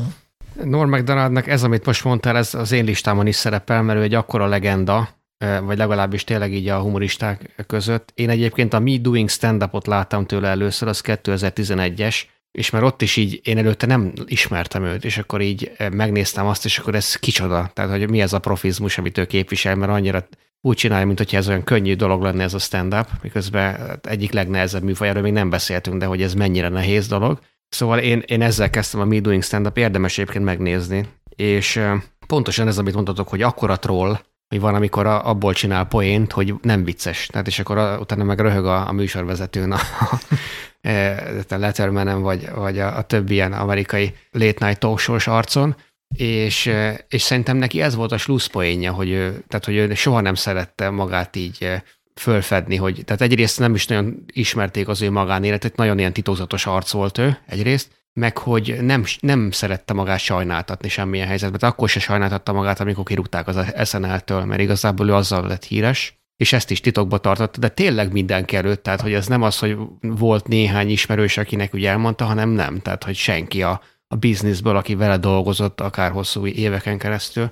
Ez azért mindenkit ilyen sok hatásként ért, és ez, hogy hogy ezt így fölvette magának, és szóval ez fantasztikus, és tényleg én mondjuk nem ezzel kezdeném, tehát Norm McDonald, aki, aki ismerkedik, nézzen tőle ilyen SNL-es klippeket, amikor ő volt a correspondent, meg, meg nézze meg ezt a Me Doing stand és akkor utána. De tényleg ilyen sajátos humorra van, meg nagy troll volt világ életében, és, és soha, soha nem érdekelte semmilyen szabály. Tehát, hogy, hogy most PC-e, vagy nem PC, vicces-e, vagy nem vicces, tehát pont az, amit, amit elmondtál a, a Bill Hicks kapcsán, hogy most ez nem érdekes, hogy nevet nekem, hogyha szerinte vicces, akkor azt végigmondja. És ez tényleg ez kevés stand bírja ki. Igen, igen. Jó, akkor te is mondj egy címet. A következő azt mondja, hogy én Bill Burr, aki nekem egy nagy kedvencem, és az most, most élők között én őt nagyon magasan rangsorolom, Live at Red Rocks, a tavalyi Netflixes. Ugye ez egy ilyen kultikus helyszín Egyesült Államokban, egy ilyen hatalmas nagy szabadtéri színpad a sziklák között, és hát igazából hozza a formáját, számomra nem volt úgy meglepetés, hogy most valami egészen új témát hoz, Ugye ő azzal lett híres, hogy nagyon mindig ezt a dühös karaktert hozza, amit így próbál magába elnyomni, miközben tényleg sen, semmit nem tisztel, és ez ő is ilyen nagyon szabad szájú arc. De itt például voltak ilyen olyan magánéleti elemek, amiket így nem nagyon hozott így elő, mint tudom én, hogy a első kísérletezései a droggal. Tehát ez még úgy nem jött elő nála. És hát a Bill Burr ugye járt Budapesten is, szerintem az is szenzációs jó volt, sőt, még élőben még talán erősebb is volt, mint amiket így a megnézi utólag az ember. Tehát van egy hatalmas nagy, ilyen, tényleg nagyon, nagyon nagy karizmája, és nekem legalább akkor élmény volt az ő kongresszusi központos előadása, mint mondjuk a Louis ck az első, amikor itt járt Pestem. Egy fantasztikus szint, amit ő képvisel, és ő is már hát több mint 20 éve. De 90-es évek végén kezdte ő is. És az első anyag, amit láttam tőle, ez pont ez a Comedy Central Presents 2000-es évek elejéről, és akkor fiatal ember volt. Szóval ő egy nagy ő egy, egy nagyon nagy formátumú alakja szerintem a kortárs stand És ez, ez, egy, ez egy olyan, olyan special tőle, ami mondjuk nem emelkedik ki a többi közül, de simán belefér a tavalyi top 5-ben állam. Nálam is rajta van a listán, és én se tartom a legerősebbnek, és szerintem a helyszín is benne van ebbe. Tehát erről keveset beszélünk, de egy special ez is fontos, hogy hol veszik föl, milyen a kamerabeállítás, stb. stb.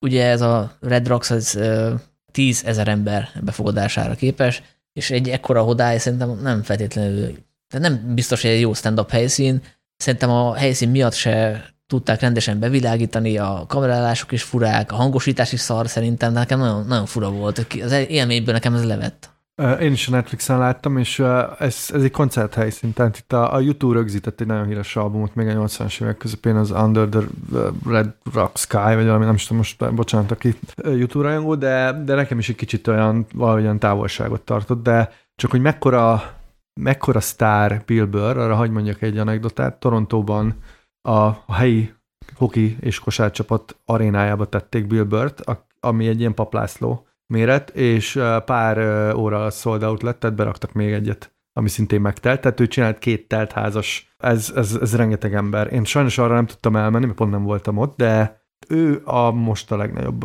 szerintem. Aki, mármint ilyen sztárságban, vagy, vagy celebritás szinten. Na lehet, igen, igen. Tehát ő benyomult a Louis C.K. kiesésével meg ürevesedő helyre. Tehát ez egy hasonló karakter is. Egy kicsit, igen, igen. És egyébként nekem is, a, én be, meg, megmondom nektek őszintén, én, én nem szerettem annyira, tehát hogy így elismertem, amit csinált, de amikor láttam Budapesten, nekem akkor jött át, hogy ez micsoda. Mert ebbe szerintem igazad van, ebben van egy ilyen karakter, ami, ami szerintem nagyon izgalmas. Ez a, a bostoni dühös kisember. Igen, igen, aki... akivel így leülni és sörözni, és akkor így anyáznátok a, nem tudom, a, a kollégát. Tehát, hogy van benne egy ilyen, és ez nagyon-nagyon jól áll neki.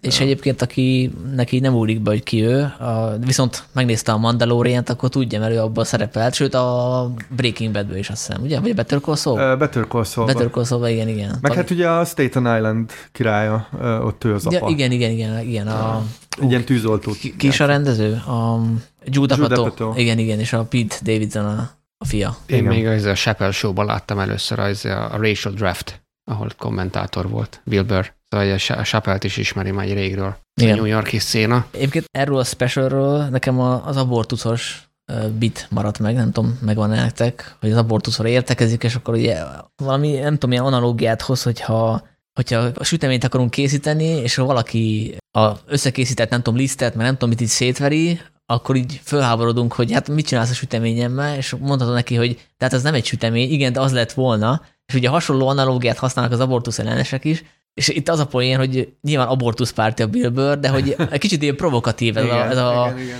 ez a hozzáállás, hogy ő nem is magzatot mond, hanem gyereket mond, és ez a Louis ck is viszont a Louis C.K. új festőjében is az egyik legviccesebb rész, amikor a, a, az abortuszról beszél, hogy ő ott is abortusz párti álláspontot képvisel, de olyan provokatívan fogalmazza meg, hogy aki mondjuk, aki ellenzi az abortusz, az is tud rajta nevetni.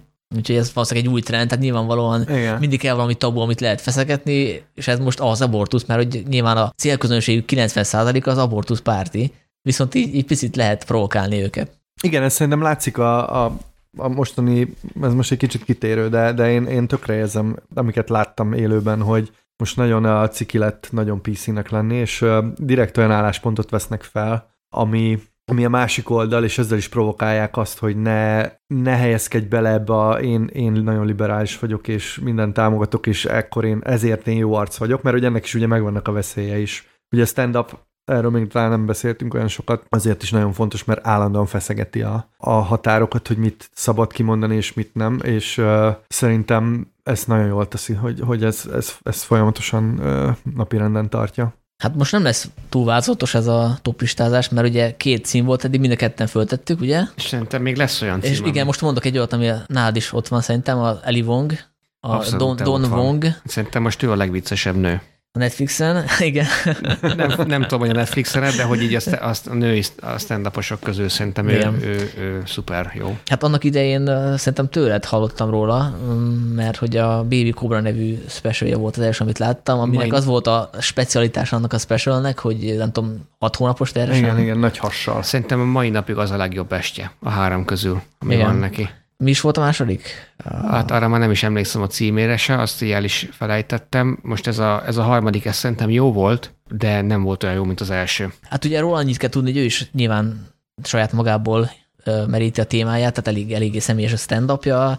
Hát az első az nyilván az anyaságról is, szó, anyaságról is szólt, arról, hogy milyen nőként komikusnak lenni, és nekem ez a Don Wong azért tetszett, mert ebbe is volt egy ilyen beleszarós attitűd, és azért is, mert én ezt most láttam nemrég, miközben ez tavaly februárban jött ki, azt hiszem, és ez adott egy jó kis punchline-t, jó kis, hogy mondják ezt, csattanót a, a special végére, ugyanis itt többek közt arról beszél, hogy, hogy igazából elméletben végül szeretné megcsolni a férjét, mert milyen dolog az, hogy itt a férfi komikusok, amikor befutnak, akkor így válogathatnak a nők közt, stb. stb. stb. És milyen kettős mérc, hogy a nőkkel ez nem így van, és hogyha félre is lépnek, akkor, akkor teljesen más megítélése alá esnek, és akkor zseniálisan levezeti ezt, ezt a poént, tehát nagyon necces, és akkor végén kitesz egy ilyen vörös farkot, hogy de hát én nagyon szeretem a férjemet, mert támogat, és elmondhatom, amit akarok, stb. stb. Hát és az akkor... a leggyengébb része pont a vége, egy visszatáncol, mert az olyan, tehát hogy azt szerint, nálam az nem hát, de volt. szerintem az, az, az, muszáj volt, tehát így ez kicsit olyan, mint a Don Rickles, amikor valakit szétaláz, és akkor egyébként meg I love you, és hogy blessings from my, meg a my, from my Na jó, wife. de a slusszpoint pont az, hogy én ugye most néztem meg a, special nemrég, fölmentem a Wikipédiára, és mit látok, hogy elvált a férjét. és ráadásul két-három hónap azután jött, hogy... Pont ez az utolsó két perc, azt szerintem az volt a leggyengébb az egész special, vagy így visszatáncol, mert addig ott szétalázza a férjét, de hát nagyon vicces, nagyon vicces nő, és szerintem ritka az ilyen, tehát szerintem ilyen Sarah Silverman-szerű, hogy, hogy tehát nem tudom, húsz évvel ezelőtt volt ekkora nagy sztárja. A, a szerintem merészebb, mármint hogy a mostani Sarah Silvermanhez képest. Igen, de hogy nem tudom, Sarah Silverman volt érted ekkora, ekkora nagy találat, 20 évvel ezelőtt, szóval ritka tényleg az ekkora a tehetség, meg most már ő ugye filmekben is szerepel, meg most van ez az új Netflixes sorozat, a tehát lehet, hogy, az a lehet, hogy belőle olyasmi lesz, mint nem tudom, Eddie Murphy vagy Jim Carrey, hogy aztán ezt így az egész, egészet kinövi, és ambiciózusabb annál, mint hogy megmaradjon a stand és akkor én abszolút ilyen színésznő lesz belőle, de uh, szóval, hogy ő nagyon vicces, ami, ami nekem újdonság volt ebbe a Don Wongba, hogy itt már látom a harmadik estén, meg hogy vannak mögöttem már filmek, hogy hogy ez a kicsit már, eh, hogy is mondjam, eh, nagyon, tehát kicsit túlzottan magabiztos, meg most már nagyon nagy a mellény, és ez van, még van egy ilyen arc, akit hoztam a, a Best of listára, hogy ugyanezt láttam, hogy a, ahogy lép, lépünk előre a karrierbe, eh, most már tényleg nem ez, tehát semmit nem fog vissza, és kicsit, kicsit a Dave chappelle is van ilyen. Tehát, hogy Igen. most már akkora primadonna vagyok, hogy ez Tehát már, már ezek ilyen nem is annyira önreflexív izék, hanem hogy ezt igazából komolyan gondolja, hogy én vagyok a legnagyobb ászad. Jó, de most nem adhatja elő azt, hogy ő a, a rapper a gettóból, amikor ez már a második albuma, és közben szupersztár lett belőle, tehát pont erről szól, hogy megváltozott a státusza, és erre szerintem reflektál, de egyébként az ő az ő személyisége nem feltétlenül kedvelhető egyből. Tehát engem is irritált a legelején a, ezek a fura hangsúlyai, meg ahogy ilyen tyúkanyom módjára lépked a színpron, nem tudom, hogy megvan, hogy kitolja a seggét, nem tudom, az, az most szándékos-e, vagy amúgy is így? Hát persze, ez a karakter, ez a, ez, a, ez a karakter, amit ő kidolgozott, és akkor ez vagy bejön, vagy nem. Tehát ez most valakinek lehet, hogy rögtön lekapcsolja 10 perc után, és ha nem tetszik, érted? Tehát, hogy ez annyira teljesen személyes, de például amit mondtál, hogy nyilván nem hozhatja ezt, hogy most akkor én ugyanúgy, az ugyanaz a csóró vagyok, mint az első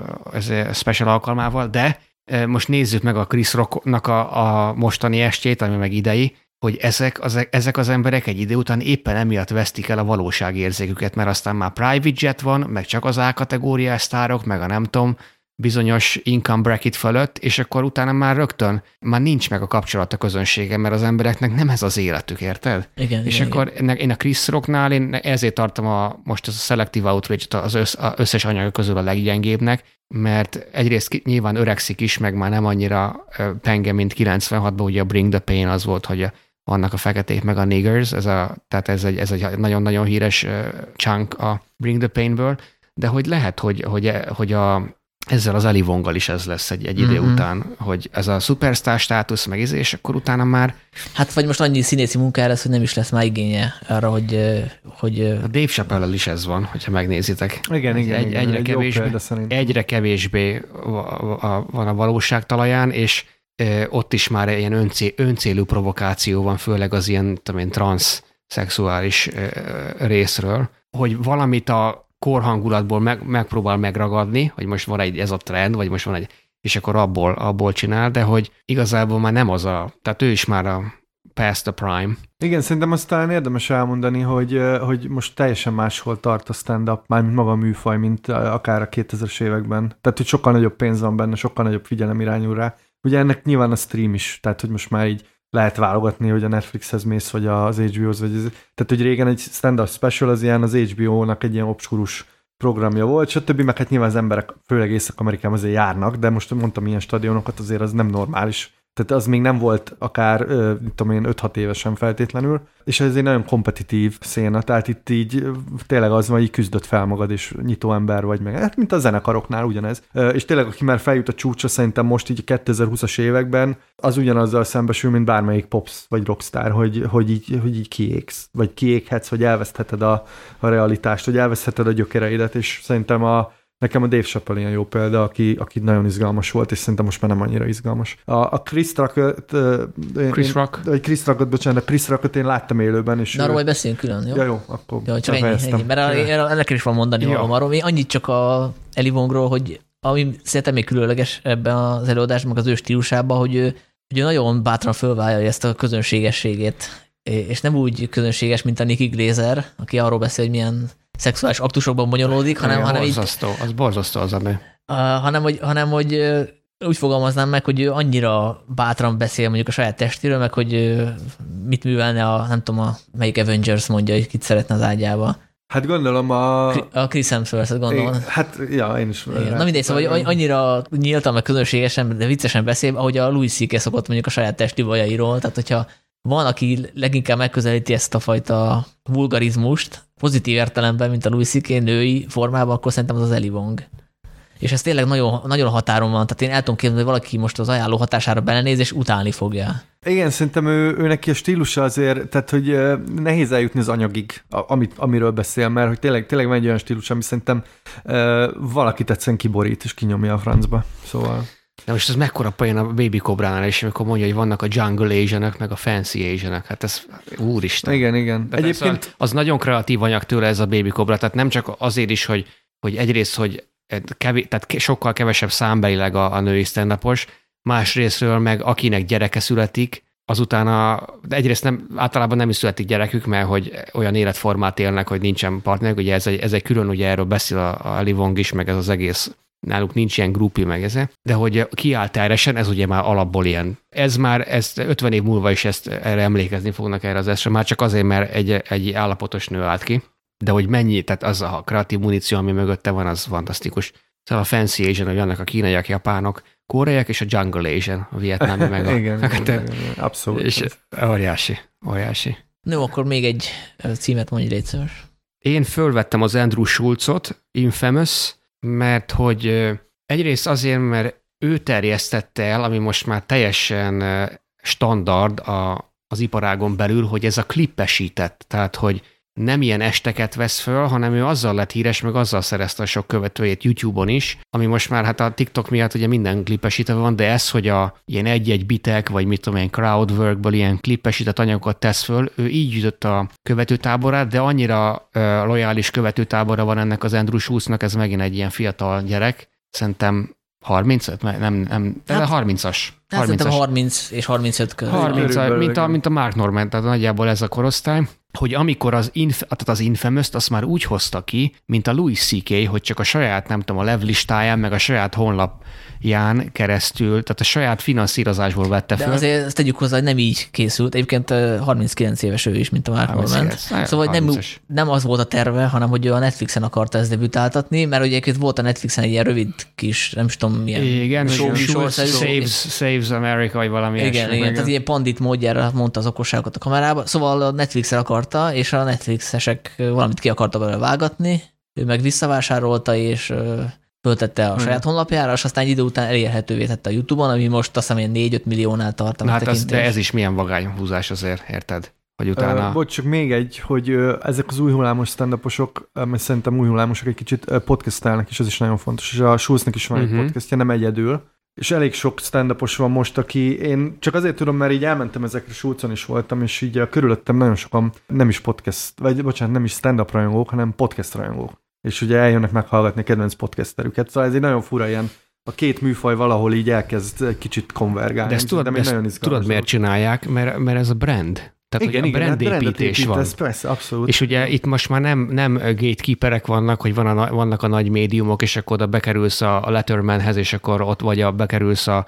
Johnny Carsonhoz, mert régen ez volt. Igen. Tehát, és, az, és nem volt más, hanem most van ezerféle social media felület, és akkor ők ezt így tök tudatosan építik a saját brandjüket. És a, a Schulz az szerintem ennek a, a példájára szerintem ő azon túl, hogy jó, jó marketingesnek is kell lenni, de hogy ő szerintem tehát intelligens is, meg nagyon vicces. Még akkor is, hogyha sokszor uh, prostó, meg alpári, ugye lehet vitatkozni, hogy most akkor hol van a határ, Igen. De, de hogy ő egyébként nagyon intelligens, tehát hogy tudná ezt az ilyen szuperintelligens, ilyen clean humort is, csak ő nem, ő nem ezt csinálja. Zoli élőben mennyi volt a mert te láttad ezt az, ezt az infamous infamous Én nem, nem, tudom, nem láttam a, a felvételt. Nem arra hogy csak klasszikus stand meg a crowdworknek az aránya, tehát amikor a közönséggel beszélget. Nekem ez volt a probléma, hogy nekem túl sok volt a crowdwork ebben a, a, a dologban, és ugye ez nagyon szerintem kétélű fegyver, ugye amikor így elkezdi a közönséget így hetszelni, meg így kiszúr embereket és kérdezgeti őket, és ugye, hát Toronto egy elég színes, színes város, és nekem egy kicsit sok volt az, hogy ó, te ilyen izé kínai vagy, és akkor elkezdett ilyen ázsiai sztereotípiákba belemenni, ami egyébként egy-egy pillanatra ezek jók szoktak lenni, ugye ez így nagyon kizökkenti, főleg egy ilyen nagyon liberális torontói közönséget. Itt én azt éreztem, hogy kicsit önismétlő volt, és nem olyan talált fogást, meg ugye kipécézi a legbesörözöttebb embert, és akkor ebből így kifacsar három-négy bitet. Meg nekem nagyon kicsit visszás volt az egész uh, show-nak a setupja, mert úgy indult, mintha ez egy kurva egy rockkoncert lenne, még azt hiszem tűzijáték is volt, tehát most viccen kívül tudjátok, lekapcsolták a villanyt, elindult ilyen hip-hop zene, feljöttek ilyen pufidzsek is fítelők, akik így izé, ment valami videó, hogy ő egy limuzinban nyomul, ami egyébként jó pofa, csak szerintem egy picit mondjuk két percig, vagy öt percig és egyébként az emberek nagyon kajálták. Ne, nekem egy kicsit nagyon szerettem a provokatívabb részeket, amikor tényleg ez az intelligencia csillan meg, amit mondasz, mert ő nagyon jól tud provokálni, hmm. és nagyon jól lehántja a leplet a, az ilyen képmutatás és ilyen álszenteskedésről még amikor nagyon óvatoskodunk, és így belemegy két lábbal, én ezeket nagyon szerettem, de ilyen 80 percet tolt le, és ebből nekem egy kicsit sok volt már a prostóság, és a, amikor ez, hm. ez nem intelligencia volt, hanem, de ebben mondom, benne van ez is, hogy, hogy nehéz é, é, közönséggel dolgozni, mert nagyon függ attól, hogy milyen emberek vannak, és szerintem Toronto még ebből a szempontból erre a fajta humorra nem a legjobb, mert hogy itt hmm. uh, nyilván itt, izé, itt nagyon könnyű kipécézni ilyen különféle nációkat. nem, nem tudnálunk mit csinálni, tehát eljönne hozzánk, akkor ott van 200 fős teremben 200 fehér ember, akkor... Hát ja, de lehet, hogy akkor ilyen szakmára kérdezni rá, mert ugye ezt szokták, ugye, hogy hány, hogy honnan vagy, mit csinálsz, hát, persze, hány éves vagy, van-e a csajoddal vagy-e, és akkor ebből itt tapogatja le. De amikor érted, ott ül egy egy ázsiai, meg egy barna bőrű, meg egy feka, akkor, akkor nem kell végigkérdezni, hogy te tűzoltó vagy-e, mert ott már adja magát a, oké, okay, akkor te melyik ázsiai, vagy te az ázsiai, vagy a, a tésztás, vagy a, az a neni. Tehát tudjátok, és, és az így azért ezzel nehéz szerintem fél órát elvinni. Hát ez azért YouTube műfaj, mert ugye ezt ő megcsinálja a, a túráján, és mondjuk van ilyen tíz interakció közönséggel, ebből egy, ami vicces, az föl kell a YouTube-ra, megnézed, és akkor hú, de jó az a sulc, mindenkivel ja, ja. vicces, hát igen, mert nem látjuk azt a kilencet, amikor nem sikerül. Igen, de egyébként a, az előadói stílus meg, meg nagyon húz, tehát hogy elképesztő bizalma van, és elképesztő kiállása van. Ez, nagyon, ez a belemenős, tökös nagyon, gyerek. Nagyon karizmatikus, igen. igen. Hát igen, megosztó megosztó, megosztó. Ja, de hát kár, kár, hogy ezt az intelligens humort már nem annyira, de én szerintem ez megint egy olyan, hogy a minél több embert akar megszólítani, és akkor úgy döntött, hogy ez egy döntés a részéről, érted? Hogy akkor ő inkább ja, ja, az persze, meg irányba. hát ő megy a, hát megy a milliós nézettségre. Tehát ez, ez... És el is, el is érte, tehát amikor kirakta, tehát először meg lehetett venni, és aztán kirakta YouTube-ra, akkor nem tudom, egy héten belül ott volt, hogy 6 milliós megtekintés. Igen, igen, igen. Ugye itt most az első körös jelölteim azok ö, megritkultak a átfedések miatt, de felírtam még csomó mindenkit, például a Neil Brennan, ő a Blocks nevű specialjét hozta ki a Netflixre, róla annyit kell tudni, hogy azt hiszem, hogy nem stand indult, hanem íróként. Például a Dave Chappelle-nek a műsorában kvázi az írótársa volt a, a Chappelle-nek. Ugye volt a Dave Chappelle Show, amiben kamatoztatta a Chappelle a kezdeti stand népszerűségét, és általában az óriási, óriási nagy siker volt, tehát hogy Comedy Central könyörgött neki, hogy csináljon még egy évadot, de ő megunta, és visszavonult a stand-uptól is, mert mindentől is öt évre, vagy nem tudom mennyi időre. És a Brennan ugye most stand és a, igazából a kőhalmihoz hasonlítaná picit a, a stílusát, meg a, mm. magát a karaktert is, tehát hogy nem egy ilyen színpadra termett csávó, tehát ilyen szemüveges, picit ilyen furán mozog, tehát hogy inkább egy ilyen értelmiségének lehetne mondani, és nyilván ő is saját magáról beszél, ő egy ilyen vizuális segédletet hoz a színpadra, tehát vannak ilyen szimbólumok, amik az életét meghatározzák, és azokat, azokat veszi végig, tehát hogy nem tudom, a például a párkapcsolati státusza, hogy, hogy miért nem házasodott meg, miért nincs gyereke, akkor hogyan viszonyul például a nem tudom, melegjogokhoz, akkor hogyan tud beilleszkedni a többi komikus közé, hogyan nem tud beilleszkedni, tehát ilyen nagyon ilyen, ilyen azonosulható karakter. És ami nekem tetszett, hogy, hogy például a végén egészen ilyen elkomorul, amikor a, most nem éreztem meg, hogy mi is, mi is a probléma, hogy depresszió, vagy valami hasonló, hogy ez, ez, ez egyfajta ilyen radikális gesztus, hogy nem egy ilyen óriási poénja zárja a, a stand hanem hogy, hanem hogy tényleg nagyon mélyre megy a saját magába, és szerintem ez a, a Hannah Gatsby-nek köszönhető többek közt, ugye tudjátok, ő az a új-zélandi, az a új-zélandi vagy ausztrál? Szerintem új-zélandi. Igen. Most, onnan van. Délről. Igen, ő, őt nagyon imádta a, a progresszív sajtó pár éve a stand miatt, ami szerintem inkább egy ilyen TED Talk és ilyen One Woman show-nak az ötvözete, Igen. és egyáltalán nem vicces, nekem nem is igazából tetszett pont emiatt, mert úgy vagyok vele, hogy a stand-up legyen vicces, viszont abból a szempontból meg lehet hasznosítani, és hasznosítják is szerintem a komikusok, hogy egyre inkább belevesznek ilyen, ilyen picit drámaibb pillanatokat a saját életükből. Ez a Hassan Minásnak is a, a stand az első stand benne volt, vagy az első Netflix-es stand szerintem kurva jó. Uh, Homecoming King, azt hiszem az Homecoming King, igen. Az igen. Ho, ho, the, the Homecoming Kid. Homecoming Kid, Kid, igen, Kid, igen. Most csak azért mondom, azért vagyok így képben, mert neki hoztam az, lesz majd a következő tételem a listában. De, az, az, az, az, új, de ez az, az új estje. Az új, az új, igen, új estje, igen. Szóval abban is van egy pillanat, amikor eljut egy ilyen drámai pontja a történetnek, és közben a kamera meg folyamatosan ráközelít, és egyszer csak azt veszük észre, hogy premier plánban mondja, Szóval ebben is vannak ilyen komolyabb pillanatok, és szerintem tök jó, tök jó beépíti ezeket. Ja, hát ebben van egy ilyen önterápiás jelleg, és szerintem ez mindig izgalmas, és hát ez nem mindig könnyű. Tehát nekem is a, a igen, tehát a, a Hannah Gatsby ez szerintem ilyen határeset nálam is, mert hogy ő, igen, ő igen. egyébként az Aspergeres, ezt is tudni kell róla. Igen, szóval, igen, hogy igen. Ő, Aspergeres, leszbikus, igen. Igen, igen, igen, egy nagyon fura határhelyzetben van, és uh, tényleg nagyon szeretik föl a feministák, mert egyébként nagyon kemény, csak hogy nem biztos, hogy nekem, tehát szerintem túl intim önterápiától ahhoz, hogy, hogy én ezt így, uh, nem tudom, viccesnek találjam. De hát ez igen, ettől szép a stand-up szerintem, hogy yeah. így, uh, vannak ilyen határok. Hát nekem az a szabályom, hogyha egy stand-upban specialben vagy előadásban többet tapsol a közönség, mint amennyit nevet, akkor az nem jó. Tehát, oh, ez egy jó. Mert a, a tops az általában a nevetést helyettesíti, hogy igen, veled vagyunk, bátor ah, vagy, ja. bátor vagy, nagyon hát szép. Szerintem a stand az egy definíciós pont lehet, hogy legyen vicces. Tehát, hogy nem? Tehát, hogy a stand-up, ja, hogyha nem vicces. De, de, de, hát Tehát, hogy ebből a szempontból akkor... inkább ilyen előadás jellege van, vagy önterápiás, nem tudom, kitárulkozás.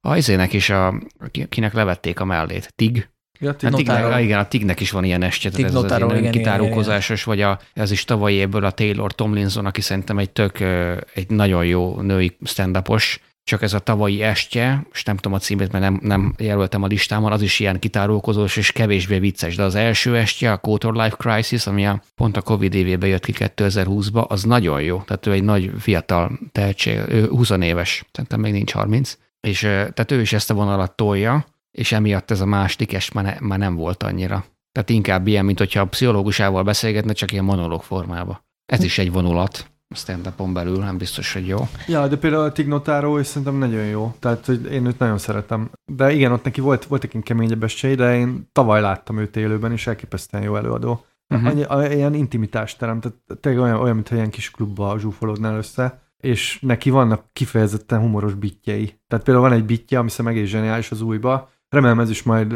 biztos lesz uh, specialként. A- arról szól, hogy félrehal dolgokat. És akkor ugye ez egy ilyen kurva jó poénforrás, tudod, hogy elmond egy mondatot, aminek van egy értelme, és elmondja, hogy hogy hallja félre, és akkor teljesen értelmetlen az egész, mást jelent, és ugye megadja a kontextusát a szituációnak. És mm, ezek ilyen nagyon-nagyon vicces bitek, és itt is van ilyen kis önterápia, de, de hogy annyira ironikus magával szemben, hogy, hogy, hogy szerintem az így felszabadító. Tehát, hogy ennek az önterápiás jellegnek van egy ilyen nagyon vékony határvonala szerintem, amikor, amikor így vele vagy, meg, meg akarsz vele menni, vagy amikor így már kívülről nézed, és értitek, hogy mint egy tanulmányozod, uh-huh. mint egy bogarat, hogy és szerintem itt nyilván akkor vicces, hogyha tudsz nevetni vele a saját izé, problémáin, akkor meg nem vicces, hogyha így elkezded elemezgetni, vagy analizálni. És szerintem nálam itt van ez a határvonal, ami tényleg nagyon necces, tehát hogy itt nagyon könnyen borulnak, akár igen, az, amit mondasz, akár egy komikus két különböző estje már, már nem működik.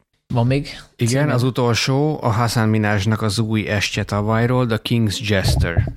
És szerintem nem olyan jó, mint az első, de így is annyira kiemelkedő, mert a, szerintem a Hassan Minás van közel a Birbigliához a, a tekintetben, kicsit más, mert ugye a, a Minás használ ilyen inzerteket, tehát kicsit ilyen tettolkosítva van az egész, meg vannak olyan díszlet, mint amilyen az első esnél fölfut a lépcsőre, tehát hogy van benne egy ilyen színészi Igen. játék, és kicsit színészi játék, akkor ezek a monológok, de közben ilyen tettok, vannak ilyen feliratok bevillannak, hogy így nagyon megvan, nagyon megvan csinálva az egész, így nagyon le van csiszolva, össze van rakva az egész, és ez nem csak a, az esnél, hanem ahogy föl van véve erre, meg a, és annyit te mondtál, hogy mit tudom én, a drámai résznél, hogy akkor ott ilyen premier plánba látjuk, tehát hogy az is itt tökre egy, tehát hogy a filmszerűvé is van téve az es maga, tehát, hogy ebbe ő nagyon jó. Tehát, hogy a Birbiglia szerintem még jobb, mert, mert ott neki, ne, hozzá, neki nem, nincs eszköze. Tehát ott semmi, ott csak ő van. És itt, itt már kicsit föl van tupírozva a Hazard de nagyon tehetséges, nagyon tényleg a tökéletesre van csiszolva, és itt, amikor egy ilyen tökéletes este így fölveszik a, a turné után, hogy ezt milyen nehéz egy ilyet így összerakni. Mert ott ugye ott is vannak, hogy akkor a, világ, hogy a világosító, meg akkor insert pont akkor, hogy olyan pici dolgok vannak, hogy ezt látni kéne, hogy mennyire nehéz mondjuk egy ilyet összerakni. Mondjuk lá- csinálhatnának erről egy dokumentumfilmet, hogy mennyi munka van egy ilyen, ilyen estbe. Most nyilván nagyon sok munka van egy olyan esbe is, amikor nincsen semmi insert, meg nincs így összerakva, hogy mint a Birbigliáé. Tehát ez valami őrületes, és a, itt a Waters-nél jött ki igazából, hogy ő azért nem stand mert mert ez neki nincs úgy begyakorolva, mint, a, mint ezeknél, meg nincs úgy, érted, azért itt dolgoznak rajta, tehát ott azt megmutatja több embernek, akkor ott azt, ott azt formálgatják, tehát hiába írja, hogy written by, tehát ott még azért van más ember is, aki ebbe beledolgozik, és nagyon sok idő, amíg ez így, ez így összeáll, meg, meg Watersnél például ilyen dikciós izét, hogy nem, nem mondok valamit kétszer, mert azt egyszer elmondja, meg, meg úgy ejti ki, hogy mindenki megértse. Szóval itt színészi elemek, ahogy, ahogy mennyire érthető, amit beszél, mennyire szépen fogalmaz, soha nem ront szavakat. Nincs az, hogy jaj, és mert például Watersnél volt, volt ilyen, hogy elmondott egy point előre, vagy hogy e, vagy összecserélte a szavakat, hogy a következő mondatnak az első szava lett volna. Szóval, igen, hogy, meg egy listát épített fel, és kifelejtett belőle. Szóval, ilyenek, igen, szó, ilyenek. szóval hogy Érted? De, de ez is tök jó volt, mert már ezt is azért ő nyomja egy ideje ezt, az, ezt a Watersnek ezt a, ezt a műsorát, de hogy azért ez, tehát hogy nagyon-nagyon nehéz ezt az egészet így összerakni, csak a szöveget is úgy megtanulni, úgy előadni, és pont akkor, amikor ugye felvétel van. Nyilván ezt azért tudni kell, ezt nem mondtuk el, hogy egy ilyen specialt úgy rögzítenek, hogy fölveszik háromszor. Kétszer vagy háromszor, és akkor ha valami nem stimmelt, akkor azt vágják be. Ezért van az, hogy a közönség is néha változik, hogyha megnézzünk egy-egy specialt. Háromszor elő, előadja egymást, utána mind a három föl van véve, és akkor úgy van összevágva, de így is szól, hogy, hogy ez a stand-up, ez sokkal nehezebb műfaj annál, mint, mint ahogy az úgy elsőnek látszik, és amikor látunk egy ilyen profit, hogy mindenki nevet, és így ez, tehát szóval évek munkája. Tehát csak az, hogy hát vala, figyelj, valaki... Szerintem mindenki kipróbálja, próbálja meg a tükör előtt 5 percig. De nem, figyelj, el lehet Érted? menni a, a félőrültek fesztiválja, tehát ugye van a, a Duma Színháznak is ilyen, gyakorlatilag a legközelebb áll a open michoz. Aha. Csak az, az meg van hirdetve, nem az vagy minden ja, nap, ja. hanem meg van hirdetve, vagy nem tudom, egy hónapban egyszer. Hát, és akkor ott azt hiszem, hogy 5 percet kapnak az emberek, ami nagyon sok. Elsőnek. nagyon sok, persze. nagyon sok, nagyon sok. És te kipróbáltad, ugye? Jól Én kipróbáltam, nem, nem véletlen, hogy nem lettem stand van róla felvétel? De hogy van, az jobb is, hogy nincs. Jobb is, hogy nincs. Igen, hát én még az első felépésének voltam, amikor a szolnokon volt egy házi buli, és megpróbálta pár Igen? ember előtt. Fú, arra már nem is És ez, szerintem ott max. tíz ember volt, és hát aki aki ismeri műfajt, azt tudja, hogy minél kevesebb ember van, annál nehezebb. Tehát hogy az, az egy igen, öngyilkos igen, küldetés. Igen. Tehát ha valaki akar kezdeni stand up akkor mondjuk ne. És, ez a és ezért van az, hogy sokáig, sokan, vagy nagyon kevesen jutnak el erre a szintre, mert aztán abba adják, mert érted, olyan visszacsatolás van, és ezt, ezt, ezt a legnehezebb szerintem elviselni, hogy ezt addig kell tolni, amíg lesz annyi stage time, meg annyi rutin, hogy úgy mész fel a színpadra, mint hogyha otthon a maszkonadrágba valamit magyaráznál a, nem tudom, családtagodnak. Hát ugye érted? én járok ilyen harmad, negyed vonalbeli stand is, nagyon izgalmas megfigyelni. Ugye ők még a Tight Five-on dolgoznak, ez az első öt perc. És a Tight Five-val mehetsz harmadik embernek, tudjátok, a nyitó elé, ilyen nagyon bemelegítőnek. És aztán jön a Tight 15, amikor már 15 percet tudsz tolni, és akkor innen lépegetsz fel. Tehát, hogy ez, ez nem úgy van, hogy valaki kijön egy órával, és ezért, hanem itt, itt nagyon komolyan dolgoznak. Hát nem csak, hogy a említett Mark Normand, az már majdnem 40. Igen, és igen, most szóval ismertük meg a nevét. Tehát ez fiatal stand dolgozunk, akik 10-15 éve is akár tolhatják, és uh, tényleg ilyen kocsmákban. Majd erről beszéltünk, ha a külföldi stand-up különbségekről beszélünk, de ez nagyon izgalmas. Tehát őrült nehéz, és akkor, akkor látsz ilyen open mic is látsz? Vagy csak igen, ilyen? igen, hát azok, tehát ott, ott az van, hogy, hogy vagy, vagy egyszer megőrül a karakter, és annyira kurva jó az egész, hogy Aha. nagyon rossz, amit mond, de nagyon-nagyon jól mondja, vagy ez az elviselhetetlen. Izé. És ott ugye vannak ezek a vannak ezek az ilyen cowboyok, akik így lesz, tehát hogy így nyomja, meg vannak a félőrültek, akik nyomják, de, de hát elképesztő. De ilyenkor nincs ilyen szekunder szégyen érzet, mert én emiatt nem bírnám ezt, hogy tudom, amikor nézel egy office, vagy nem tudom. A, más a kultúra. Tehát ez de olyan, hogy benned, benned, mint ah, Igen, de azt mondom, hogy más a kultúra. Tehát, hogy ez olyan, mint a karaoke, hogy érted, azért uh-huh. az megint más, hogy falunapon valaki borzasztó, és akkor te érzed magad kínosan, hogy fellép, vagy ha karaoke-ra vállalkozik, és kurva szar, értitek? Szóval ez két külön dolog. Hát mert megvan ennek a kultúrája, és amikor befizetnek az emberek open mic-ra, ami általában ingyenes, nem? Hát Tehát, igen, általában nem fizetnek az emberek open mic-ra, hanem söröznek, és hirtelen megtudják, hogy open mic van. Igen, vagy, tehát nem vagy, azért mennek igen, oda. Igen, igen, igen, igen. Ja. És akkor úgy elviselik, mint amikor valaki hamisan énekel. Ez egy jó példa, ez a karaok is. Ja. De, de visszatérve a, a King's Jesterrel, szerintem is ez egy nagyon erős est. Én nekem a Homecoming Kid az az egyik nagyon nagy kedvencem, szerintem az elképesztően erős, ez ahogy, nagy, az, ahogy persze, játszik jobb. a hangulatokkal, és uh, szerintem ott nagyon-nagyon fontos témákról beszél, ugye rasszizmus, iszlamofóbia, uh-huh. stb. És csak, hogy ő, ő mennyire fontos embereknek, Torontóban volt ezzel az estével, a B hoki stadionban, tehát Torontóban két hoki csapata van, a az nhl és a, a, a B, ami körülbelül egy ilyen kisebb stadionjuk van, és azt ötször töltötte meg egymás után. Tehát úgy volt, hogy jött csütörtök este, csütörtök este beraktak kettőt, aztán péntekre is beraktak még kettőt egyből, és még, még szombaton letoltam itt délután, és öm, ömlöttek az emberek. Ugye nyilván azt tudni kell, hogy ott elég nagy az indiai és a pakisztáni közösség, és szerintem nagyon sokan... Hogyne, hogyne. Ugye itt, itt erről még talán nem beszéltünk, de nagyon sok stand ugye reprezentál is egy bizonyos csoportot, uh-huh. egy társadalmi csoportot, és ő is például szerintem ebben nagyon-nagyon fontos, hogy nagyon sok mindent kimond, ami egyébként azokat az embereket foglalkoztatja, de,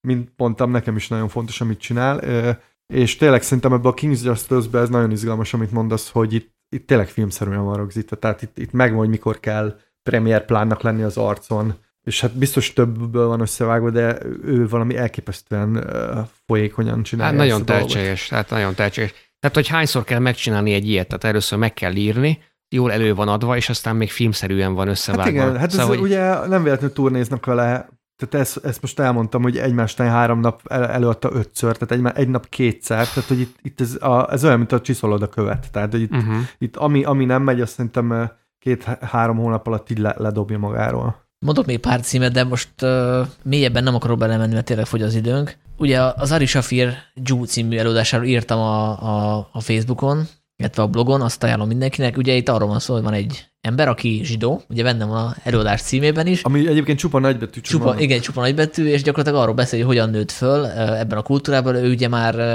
nem gyakorolja vallást, tehát hogy kvázi ateista lett, de hogy ugye belülről tudja elmesélni, milyen volt egy ortodox zsidó közösségben felnőni.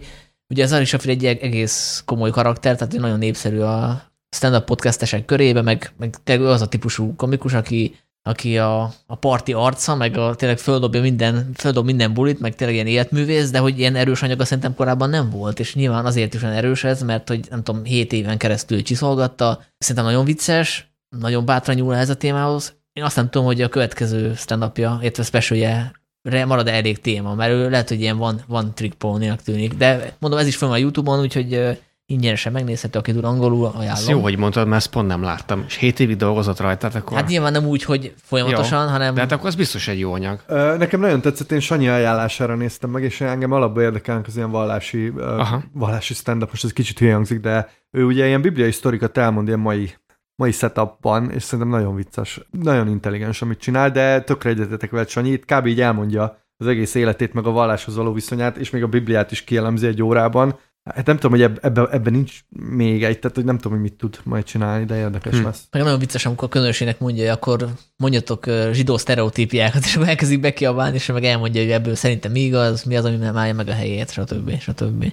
Maradva a YouTube-os pesölöknél, a Stavros Halkias még, ami tetszett, Live at the Lodge Room, hát ő ilyen görög származású, ilyen kopaszodó, kicsit ilyen tuci figura, tehát ő is egy igazi karakter, tehát hogy nem Igen. maga a humor, hanem a stílus ami zseniális, tehát ő az a tipikus életművész. Tehát amikor arra gondolunk, hogy a kövérek azok ilyen joviális figurák, na ő ezt megtestesíti, aki fölvállalja, hogy hát nem egy szépség, de, de közben nyilván nagyon szereti a nőket, meg nagyon szabados életvitelt folytat, úgyhogy... Szerintem ő brandingbe is nagyon jó, mert annyira jellegzetes, ugye ez a friszkója, nem tudom, ilyen 80-as évek. Meg egy kis bajusza is van, ugye? Igen, tehát erre rá is Igen. játszik, hogy csúnya. Ja, egy nagy karakter, tehát hogy ilyen, aki egyszer látja, akkor tudja, hogy ez a, az ő. Felírtam még Joe Listet is, ugye a Mark Normannek a haverja, This Year's Material, ő, ő mostanában tényleg a YouTube-ra tolja fel az anyagait, Hát ő is igazából a karakter, ami miatt érdekes. Igen. Zoli, te láttad élőbe is, tehát ő is az, aki mellett elmész az utcán, mert egy ilyen szemüveges, ilyen önbizalomhiányos, Ö... tehát ő, ő is inkább ilyen kőhalmi típus, aki saját magán viccelődik. Vele kapcsolatban még az az érdekesség, hogy én a Mark Norman miatt elkezdtem hallgatni a közös podcastjüket. Mert Tuesdays with Stories. Igen, van egy közös podcastjük, és a Mark Normanot azt hiszem onnan ismerem, hogy föllépett a Lettermanni, vagy nem tudom hol, és így rákerestem, hogy van-e podcastjük, és így hallgattam a közös podcastjüket már vagy két vagy három éve, és akkor esett le, hogy Jolis, Jolis olyan ismerős, és tudjátok, van az a rész a közönséges bűnözőkben, amikor odalép a falhoz a nyomozó, és akkor Igen, hirtelen összeáll. A... Na most nekem itt ki van téve a, a Louis C.K. és jegyem a falra, de oda van szögezve, oda léptem, és mondom, ott, ott van ott, kik voltak a felszopó emberek, és Joe List. Ja, basszus, elő, előbb láttam a Joe Listet, mint a Mark Norman. És ez me- melyik a 2010 a legelső, legelső, legelső ott volt. Fú, hát én már nem, nem is emlékszem. Nem, de akkor te is láttad. Aha. Uh, egyébként őt írtam fel, hogy én Joe mondom, List. mint tavalyi legjobb, mert én nagyon szeretem. Szerintem ez a, ez a dühös kisember karakter, ez nagyon jól áll neki. És ami érdekes benne szerintem, hogy mindig úgy nyitja a cuccait, hogy improvizál. Uh, és ilyen feltolja ezeket YouTube-ra. Szóval, hogy a, akit érdekel, hogy tényleg, hogy hogy működik egy ilyen turné, fenn vannak, hogy Clevelandbe, meg nem tudom hol, és akkor mindig ugyanarról beszél, hogy mennyire szar az a hely, ahol van. És Torontóba is úgy nyitott, hogy hát én legutóbb még CK előtt nyitottam a nem tudom melyik arénába, most meg ide raktatok egy ilyen szaros kis klubba, mert egy ilyen kis klubba nyitott, és Szerintem annyira nem vicces, amit mond, vagy nem mindig vicces, de ahogy mondja, szerintem elképesztően vicces, engem így élőben nagyon megőrölt, tehát így nagyon-nagyon röhögtem, és egyébként nem tudnék egy point se felidézni. Csak ez a, ez a tudjátok, ez, ez ilyen agresszív izé, és mindig arról beszél, hogy aj, leszarom, hogyha izé, izé, nem tudom, nem röhög senki, vagy de, és ebből ilyen ironikus viccet csinál, tudjátok, hogy így ez a ez a, ez a dühös, tényleg ez a dühös kis hát hivatalnok. a étköznapi dolgok, tehát az observational humor, tehát mint tudom, igen, repülés, igen, közlekedés, stb. Igen, stb. Tehát nem véletlen, hogy neki, meg a Mark Normannak is a Seinfeld az egyik kedvence, tehát a, a sorozat a semmiről. Mm-hmm. Ja, ja, igen. ja. Hát én arra emlékszem, hogy amikor indul a specialje, akkor öt percig azzal foglalkozik, hogy, a, hogy megrendelte ilyen neon fényekből igen, a, a táblát. A, neon táblát, ami a, a specialnek a címe van, és akkor kijön, és azt mondja, hogy hú, basszus, lehet, hogy ez túlzás volt, és elmondja, hogy mennyit költött rá. Igen, lehet, meg lehet, hogy kicsit túl nagy, az tök vicces, igen, és így beugrik. Egyébként a Seinfeldnek a nyitó embere volt a Mark Normand, szóval a, a Seinfeld az sokat tett hozzá egy a Mark Normandhez, hogy mindig mondta, hogy a Mark Normand ő most az egy rising star. Igen, igen, igen. Egyébként a, most csak ez tényleg egy kicsit ilyen záró, és a Seinfeld nagyon sokat tett egyébként magáért a stand up Én olvastam a Bob Odenkirknek a, a könyvét, aminek az a cím, hogy Comedy, Comedy, Comedy Drama. Ugye ő a Saul, a Better Call uh-huh. Saulból és ő egyébként stand szeretett volna nagyon sokáig, és ilyen sketch író volt, de Chicagóban próbált befutni stand és arról mesél, hogy amikor indult a Seinfeld, meg ez a sorozat be, ugye Amerikában a Seinfeld az a jó barátokkal egy előtte volt, de hogy ez legalább akkora Hát vagy nagyobb inkább. Igen. Általában Amerikában megkérdezik tőled, hogy jó barátok vagy izé, Seinfeldes vagy ez kb. a Rolling Stones versus Beatles kérdés. És ő írja a könyvében, hogy az volt, amikor ment a Seinfeld, hogy mindenhol stand kerestek a legutolsó szaros kis helyre is, és ha csak nem voltál, valami ilyesmit fogalmaz, ha csak nem voltál néma, akkor mehettél. És uh, kipróbáltad magad, szóval gondoljátok el, hogy, hogy ez kicsit más légkör, amikor így tényleg bárkit fel kellett venni egy zakot, és kiállni 5 percre, és mondta, hogy ilyen 20 dollárokat lehetett keresni, és ugye úgy élt túl, és nagyon szar volt egyébként. Szóval nagyon vicces, hogy a, a Seinfeldnek egyébként van egy ilyen nagyon fontos hatása a stand-upra. Mondok egy utolsó címet, csak hogy javuljon a nemi arány. Atsuko Okatsuka, The Intruder, az HBO-ra került föl. Hoppá, ezt nem is hallottam még. Ő, hát ő, ő a japán Eli Wong. Szerintem belenéztem, és aztán le is csuktam. Kicsit excentrikus a stílusa, mint az Eli Wongnak, de közben amiről beszél, az teljesen hétköznapi. És ebben pont az a vicces, hogy ilyen szürke háziasszony, aki, aki próbál valahogy mégiscsak kitörni, meg, meg elmesélni egy történetet, és a, itt jön a címkép, a The Intruder, hogy el, elkezd egy történetet, hogy a hogy valaki egyszer csak fel, elkezd feljönni a házuk felé, ugye nincs kerítés, a férje is meglátja, és akkor elkezdek találkozni, hogy mit kell csinálni. És ugye elkezdi mesélni ezt a sztorit, és akkor mindig jön egy kitérő. Visszatér a sztorihoz, megint egy kitérő, és ez végighúz az egész specialon, és csak a végén jön le egy ilyen kvázi csattan, hogy mi történt pontosan. Tehát ez a, a történet mesélés miatt érdekes szerintem. Ez a gomb, gomba friszkó, jó? Igen, igen, igen, ja. igen, igen. Na jó, szerintem akkor ezt lezárhatjuk ezt a blokkot, ha már nincs más. Jó, még, még egy kettő ilyen YouTube-os ezért, ami, ami szerintem jó volt, de nem, nem mondanám a top 5-be. Az egyik a Janis Pappas, Janis Pappas ez a görög, görög mm. arc. Akkor az már második görög. Mom Love. Ja, igen. Igen. Szerintem a, hát nem is tudom, szerintem hogy ki, ki a jobb, a, szerintem a Halkias is vicces. Hát talán a Janis Pappas egy kicsivel, nem tudom, intelligensebb humortól. Szerintem átküldtem nektek még a, még a csoportba, főleg amikor így a repülőtársaságokról beszél, mm. hogy az, az volt egy Igen. ilyen kiemelkedő bit. Ez fönn van YouTube-on, Janis Pappas.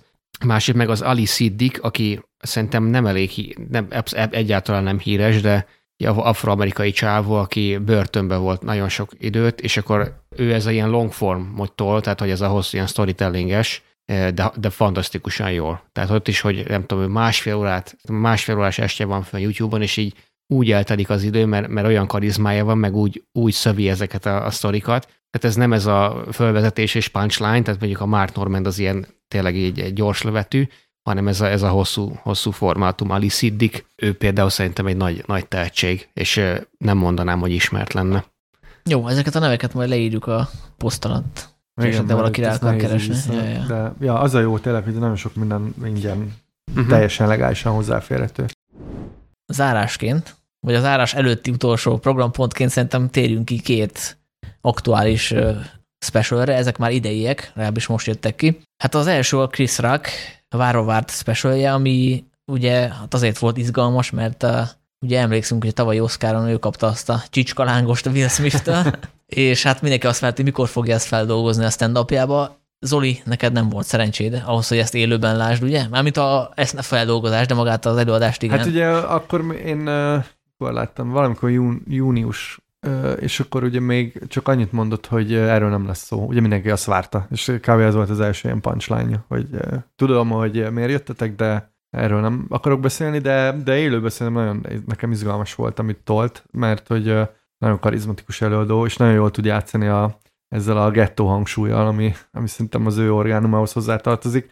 Az anyaga, azt mondjuk egyetértek veled, Dávid, te mondtad, hogy így nem nagyon nem tetszett neked, hogy voltak benne szerintem ilyen töltelék részek, de nem láttam, a, hogy mi az elkészült vége. A családos részeket bírtam, amikor a, a családjáról és a lányairól, meg az elkényeztetésről beszél, de ez nyilván lehet, hogy ilyen személyes preferencia is. Hát én sem mondom azt, hogy ez a kedvencem tőle. Mondjuk én eleve nem tartom mondjuk olyan kalibernek, mint nem tudom, mondjuk a CK, de azt tudom, hogy neki nagy kultusza van egyébként a külföldi stand körében is. De azt hiszem, te egy csillagot adtál a Dávid a Letterboxon, azért az kicsit erősnek érzem, vagy, vagy feled? Nézni, vagy lehet, hogy feled?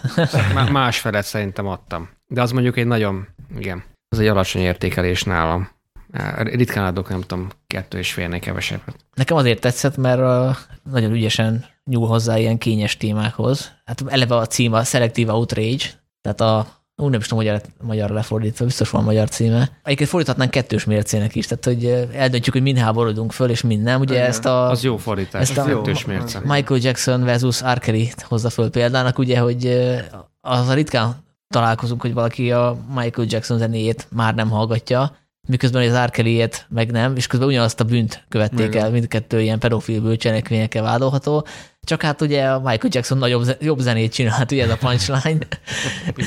és emellett tök jól, tök jól dolgozza föl szerintem azt a túlérzékenységi kérdést is. Tehát amikor elmesél, hogy egy haverja ilyen nagyon, ilyen nagyon vók meg pici szöveggel jön hozzá, ilyen safe space-ről beszél, és akkor mondja neki, hogy ember, mi van veled, be vagy drótozva, vagy mi történt? Tehát, hogy érted, és egy olyan emberről van szó, aki nyolc évet ül gyilkosságért, és mondja neki, hogy hát, hát mellette senki nem érezheti magát biztonságban, akkor miről, miről beszélünk? Tehát, hogy szerintem ez, ez egy tök jó kezdés, hogy ezt levezeti, hogy, hogy marapság mindenki fel akar tűnni, és akkor levezeti, hogy milyen módszerekkel lehet. Egyik formája, ugye, hogy megmutatod a seggedet a közösségi médiába, és a utolsó stáció meg az, hogy áldozatkultusz. Tehát, hogy áldozatnak állítod be magad, ami egy nagyon kényes téma, és akkor azt így megoldja egy nagyon bravúrral, hogy mit hoz föl például az áldozatkultuszra, fölhozhatna rengeteg mindent. Tehát amikor valaki egy nem tudom, 30 évvel ezelőtt ilyen rossz gesztus most felfúj, és mit ugye csinál belőle, ez is az lehetne, de ezt ugye nem hozza föl, mert ennél több esze van, hanem mit hoz föl példának a, a fehér emberek, fehér férfiak áldozati szerepbe való, szerepkörbe való tetszelgését, amivel nyilvánvalóan kicsit így a, enyhíti a poénnak a súlyát, de végül is csak behozza ezt a fontos témát szerintem. Na, és akkor mondd el, Dávid, hogy neked miért nem tetszett? Hát figyelj, ahhoz képest, hogy ez is egy turnénak a, a, a kiforrott anyaga, mert igaz, hogy azt tegyük hozzá, ez élőbe. Tehát ez volt a Netflixnek az első élőben sugárzott anyaga, tehát hogy ebből a szempontból különleges, de szerintem nem volt annyira jól kidolgozva, meg nem volt az egész annyira úgy, úgy, úgy összerakva, hogy ez, ez tehát, hogy Chris Rocknak ennél sokkal, sokkal, sokkal jobb. Szerintem csak, csak kivétel nélkül jobb anyagai vannak ennél. Az, hogy mennyire tehetséges, ezzel, ezzel lehet vitatkozni, az biztos, hogy nagy kultusza van neki, meg azért ő is ugye színészkedésből érkezett. Én, hogyha Chris Rocknak a pofonjáról van szó, szerintem sokkal viccesebb, ami a két nappal a Chris Rock Netflixes anyaga előtt jött ki a Marlon Wayans-nek a specialje, ott pedig a Marlon Wayans arról beszél, hogy mennyire örül, hogy kapott egy büdös nagy pofont Chris Rock, mert az egész karrierje során mindig, amikor együtt játszottak, vagy casting volt, akkor mindig elvitte a Chris Rock, meg mindig lenyúlta a nőjét, és akkor erre megy ki az egész est, hogy, hogy nem tudom, hogy négy, négy vagy ötféle fénytörésből megközelíti, hogy ezt nagyon megértemelte. Most a Chris Rock erre már nagyon vált, és hogy ő volt kb. az egyetlen ember, aki így ez egy ú, ez most szuper dolog. Úgyhogy szerintem a pofonnal kapcsolatban érdemes megnézni a Chris Rocknak az estjét, és aztán a Marlon Wayans-ét, és a, itt is ugye ez egy, egy nagy marketingfogás, hogy két nappal, a Chris Rock előtt hozta ki a saját anyagát, és Chris Rockról beszél benne, meg a pofonról. Tehát, hogy... Hát annyira nem jó fogás, hogy nekem hát, nincs róla tudomása, Zolinak se. Érted úgy, hogy az időzítése, hogy, hogy tehát, hogy ez, ez így ki volt találva, úgyhogy szerintem az egy sokkal jobb.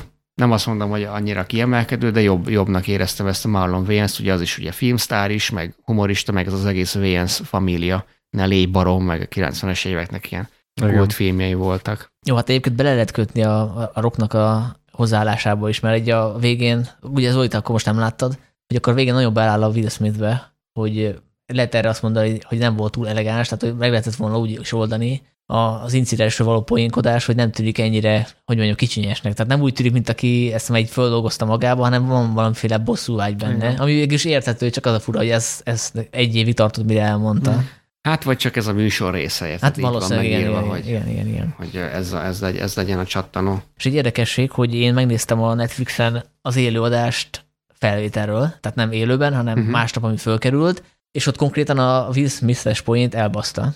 Tehát, hogy ott, ott egy ilyen, nem is tudom, milyen szójátékot akart mondani, van a Count nevű ö, filmje Will Smithnek, és hogy ö, nem jelölték ezért Oscarra, ezért bosszúból nekem adott uh, concussion, tehát hogy, uh, ja, igen, igen, hogy mondják ezt fejsérülés? Hát, hát ez a, a, Igen, és ezt el, elbaszta, ezt a poént, és utána mondta, és ú, ezt elrontottam. És ugye ez jól illusztrálja, hogy miért kell fölvenni többször egy stand mert egy, ha egy kulcspoint elrontasz, az nagyon kínos. Viszont most itt belepörgettem megint a Netflixen, és kiavították. Tehát valószínűleg készült ott is több felvétel, és most már a, a vágott verzió van. Tényleg? Aha. Az érdekes. Oh, wow. Úgyhogy, ja. Mert én még azt, azt a verziót láttam, amit te is. Tehát mondja, hogy jó, ezt... Ez Igen, most már nincs benne. Kivel, kivel és csak, csak azért mondom, hogy itt is nézd meg, hogy a Chris Rock, nem tudom, már több mint húsz éve benne van a szakmában, és itt is elront egy poént, tehát hogy mennyire nehéz ez. Milyen nehéz. És pont a kulcspoint, igen, igaz, ki, ki volt futtatva az egész Tehát még ezeknél a legnagyobb profiknál is, hogy azért kell háromszor fölvenni, mert nincs hibátlan adás. Tehát nincs, ja, ja. nincs, nincs hibátlan special, 60 percen keresztül azzal a koncentráltsággal, úgyhogy semmit ne roncson el. És akkor még egy téma, utoljára a Louis ck a legújabb specialje. Hát ezzel meg én voltam úgy, mint az Oli, hogy láttam félkészen, még Igen. tavaly júniusban, Rómában megnéztem. Úgyhogy érdekes volt most összehasonlítani a készanyagot. Ugye ez úgy készült, hogy rögzítette több formában is a, special Volt egy Madison Square Garden-es fellépés, amit élőben meg lehetett nézni, ott streamelte, viszont nem ez került föl végül a, a saját honlapjára, hanem a nem is tudom, a Dolby Theater. Dolby Theater. Hát ugye azért is ez a neve, hogy Live at the Dolby. Igen, igen, az, a, tehát egy másik verzió került föl, és hát kerültek be új bitek ahhoz képest, amit én láttam. A nagy része egyébként ugyanaz, és amikor én élőben néztem, akkor nekem is volt hasonló érzésem, mint neked, Dávid, hogy uh-huh. hát mhm. el, elég cinikus, meg elég sötét, meg elég pessimista, és úgy jöttem el arról a special, hogyha mondjuk azt hallnám két hét múlva, hogy hát nem tudom, a, a CK beleugrott valami folyóban valami nagy hídról, akkor nem csodálkoznék. Uh-huh. Tehát annyira, annyira sötét, meg pessimist, csak ugye ez, mint a egyszerű néző, nem tudhatom, hogy ez most a műsor része, vagy tényleg ilyen szarkedve van. De egyébként az nyilván elmondható, hogy, hogy elég, elég sötét lett a humor az utóbbi időben. Nem tudom, ti hogy látjátok. Ja, abszolút. Szerintem nincs már meg benne az az ilyen összekacsintós irónia, ami, ami még talán régen jobban jellemző volt rá. És most itt nem arra kell gondolni, hogy, hogy így szerinte így pusztulásba dől a világ, hanem egyszerűen önmagával szemben. Ami szerintem egy, egy, egy, egy más szint. De én ettől függetlenül bírtam ezt az estét. Én, én szeretem egyébként ezt a fajta humort, ezért szerintem itt nyilván van egy fajta karakter is benne, és uh, Szerintem ez még mindig felszabadító, ez a szarok bele, hogy ez ilyen kövér, ez izzadós ember vagyok, és értitek, szóval, hogy de, de nyilván, tehát erről már beszéltünk, amikor a, uh-huh. hoztam, a, hogy mi volt a csúcsa, ez, ez már nem az, szerintem, de, de még azért néha mindig meg, meg, meg tud villanni. Én ebbe a, most nagyon bírtam például az ilyen, hogyan, vagy vigyázzunk, hogyan hangsúlyozunk dolgok, azokat például a régi cikét idézték. De mint, hogy... Hát tőlem, amikor így, így megtör egy mondatot, hogy vannak, ja, vannak, igen, vannak, igen. vannak négerek, akik nem tudom, izé, sokat dolgoznak, uh-huh. csak hogy ha rosszul teszed ki a hangsúlyt, hogy vannak négerek akik, és akkor nem, most nem vagyok szíkész. Meg mit tudom én, a, a Biblia felolvasós azért az az is, Azért igen, az... igen. Akkor Jézus cselekedeteiről olvasgat is a... Igen, hát az, az ilyen, most... ilyen sem, nem, szerintem még nem volt ilyen, hogy valaki előszedi a parzsebéből a izét. A... Hát az Arisha Fearben végülis ezt látjuk részben, meg igen. a Ricky Gervaisnak is volt egy részem, ahol tudod, abból a bibliai mesekönyvből Aha, igen, igen, mutogatott igen. részeket, a Noét és a özönvizet, hogy levezette, a, hogy hogyan illusztrálják a, a gyerekkönyvbe a özönvízet, és akkor azon gúnyolódottak, ez nincs meg nektek. De én ezt láttam, ott nekem a delfines maradt meg, hogy, hogy hogyan dugnak a delfinek. Vagy a bálnák, nem is tudom, igen, tehát hogy igen. ott is kicsapja a könyvet egy ilyen pulpitusra is. Igen. Szóval nekem is nagyon tetszett az előadás élőben is, meg utólag is, de volt nekem is hiányérzetem, tehát úgy éreztem, hogy, hogy nincs egy ilyen koncepció, ami összefogná. Tehát vannak ilyen nagyon fura részek, amik csak így lógnak a levegőbe. Például amikor arról beszél, hogy van úgy, hogy a két szülő között az egyik meghal, és akkor a másik már csak nem akar meghalni. És ugye nyilván az apjáról beszél, mm-hmm. Igen. és a nagyon sötét poén, és nem derül ki, hogy igazából mi a baj az apjával, tehát hogy miért akarja, hogy meghaljon minél előbb. Nyilván nem akarja, vagy nem tudom, hogy akarja, de hogy ez egy poén, de akkor az nincs fölvezetve. Vagy lehet, hogy korábbi specialjében már beszélt az nem, apjáról. Szerintem itt beszélt már az apjáról, mert ugye itt ő is egy ilyen vegyes házasságban van, vagy vegyes házasságból született, és azt hiszem ez így szóba került már többször, hogy, hogy, az, hogy nem tudom, az egyik, az anyja, anyja ilyen nagyon jó arc, az apja meg nem annyira, de hogy, hogy én azt éreztem itt, hogy itt nem kapsz tehát mindig azt éreztem a korábbi cuccaiból, hogy éppen így betekintést kaphatsz abba, hogy ő éppen hol, mit foglalkoztatják, hogy él, stb és most nem arra gondolok, hogy arról beszél, hogy milyen izé, nem tudom, mit vett meg, hova ment, csak hogy így kapta egy ilyen képet róla, hogy hogy érzi magát. Most meg azon kívül, hogy így sötéten, úgy annyira nem, tehát hogy nekem így, így De szerintem hiányzott. azért, mert, mert nem is nagyon van miről beszélnie, tehát hogy felnőttek a lányai, elvált a feleségétől, valószínűleg el van szigetelődve egy magánéletileg, és el van szigetelődve a showbizniszen belül is, hiszen a botránya Igen, óta. Lehet, tehát, egyébként. hogy végül is ez az elkoborulás ebből a szempontból, hogy nem beszél magáról, ez szerintem, vagy én erre következtetek, hogy emiatt sötétebb az egész, meg emiatt nincsenek benne olyan, olyan magánéletézék, hogy hmm. még amikor Budapesten járt, az mikor volt? Egy-két éve? Hát a pandémia után. Utána, akkor 2000, szerintem tavaly, nem tavaly volt? Szerintem tavaly előtt. Tavaly előtt. Tavaly előtt, ugye akkor mesélte, nem tudom, a francia nőjéről. Itt már erről Hát szó, meg az, az anyja haláláról is mesélt. Hogy ott Aha. volt az anyjával az utolsó pillanatban, azt itt mesélte el. Aha. Pesten. Szóval, hogy most tényleg volt az, az édesapjáról ez, hogy, hogy ő nem, nem hal meg, de ez is egy milyen érted a őrület. És, és kb. ennyi. Utána pedig ilyen vallásról, meg hogy mit tudom én. Nem. Lehet, hogy át fog menni ilyen George Carlinba. Csak szerintem akkor még keresi ezt a fajta Lehet, hangot. Hogy, igen, hogy így igen, most vált. Igen, igen. Hát ez igen. most egy váltás. Igen. Meg azt érzem néha, hogy túl, túlságosan lecsiszolja a poénokat. Tehát ő azért zseni, mert hogy állandóan elvesz, elvesz, elvesz a felvezetésből, és minél kevesebb mondattal, szóval, gesztussal tudja lecsapni a poénokat. Szerintem ebben világklasszis. Igen. Csak néha, mint hogyha túlságosan lerövidítené.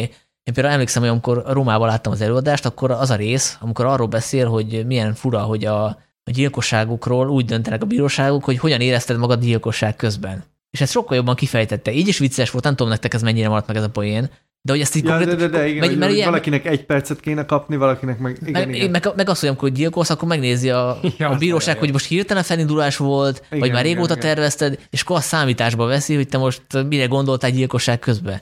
És ezt így levezette két percen keresztül, a specialben meg ez már csak egy fél mondat igen, volt. Igen, és igen. nekem ez vicces volt, mert én emlékeztem a, a Rómában a kontextusra, amit fölvázolt, ja, ja. de itt már szerintem túlságosan le volt csiszolva, hogy már nem bontotta ki, hmm. nem vitte hát, olyan hát, sokáig a, a poént, ameddig lehetett volna. Ja, úgyhogy ekkora szakértők vagyunk, hogy kritizáljuk Louis igen, igen. Jó, hát de amúgy meg ajánlottuk Istent. Egyébként vele, vele kapcsolatban azt tapasztalom, hogy hogy nagyon újra nézhetőek a, a bitjei. Tehát most külön föltette ezt az abortuszos részt, és sokkal jobban nevettem rajta, mint elsőként. Tudjátok, mhm. ebben az, ahol igen, igen, azt mondja, igen. hogy mindenki csinál az abortusz, de akkor meg kell utána enni.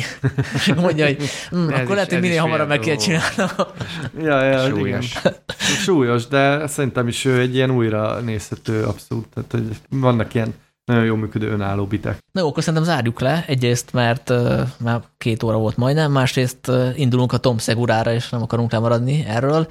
Akit érdekelnek a stand írások, az kövesse a aztán facebook.com per stand-up specialista, de ha beírja valaki azt, hogy Dumán innen, Dumántól, akkor is megtaláljátok, illetve a Filmvilág podcasten is vannak stand írások, meg a Filmvilágban is szoktunk írni néha a témáról, úgyhogy ezeket majd linkeljük. a Filmvilág blogon is említsük meg kiváló kollégánkat, Perneker Dávidot, akinek van George Carlinon és Bill Hicksről is egy portréja, azokat érdemes elolvasni, most volt róluk szó. Igen, a Sanyinak van egy nagyon jó Louis C.K. elemzése. Ezeket mind belinkeltem szerintem annak idején a a Facebook oldalon, de akkor majd lehet, hogy felfrissítjük őket. Ja, van egy tag, aki beírja, hogy izé, nem tudom, stand-up, stand-up comedy, valami, valami, valami tag van. És az összeset kiadja. Úgyhogy köszönjük szépen a figyelmet, és majd meglátjuk, hogy van-e igény folytatásra. Ha igen, akkor majd még jövünk. Sziasztok! Sziasztok! Hello!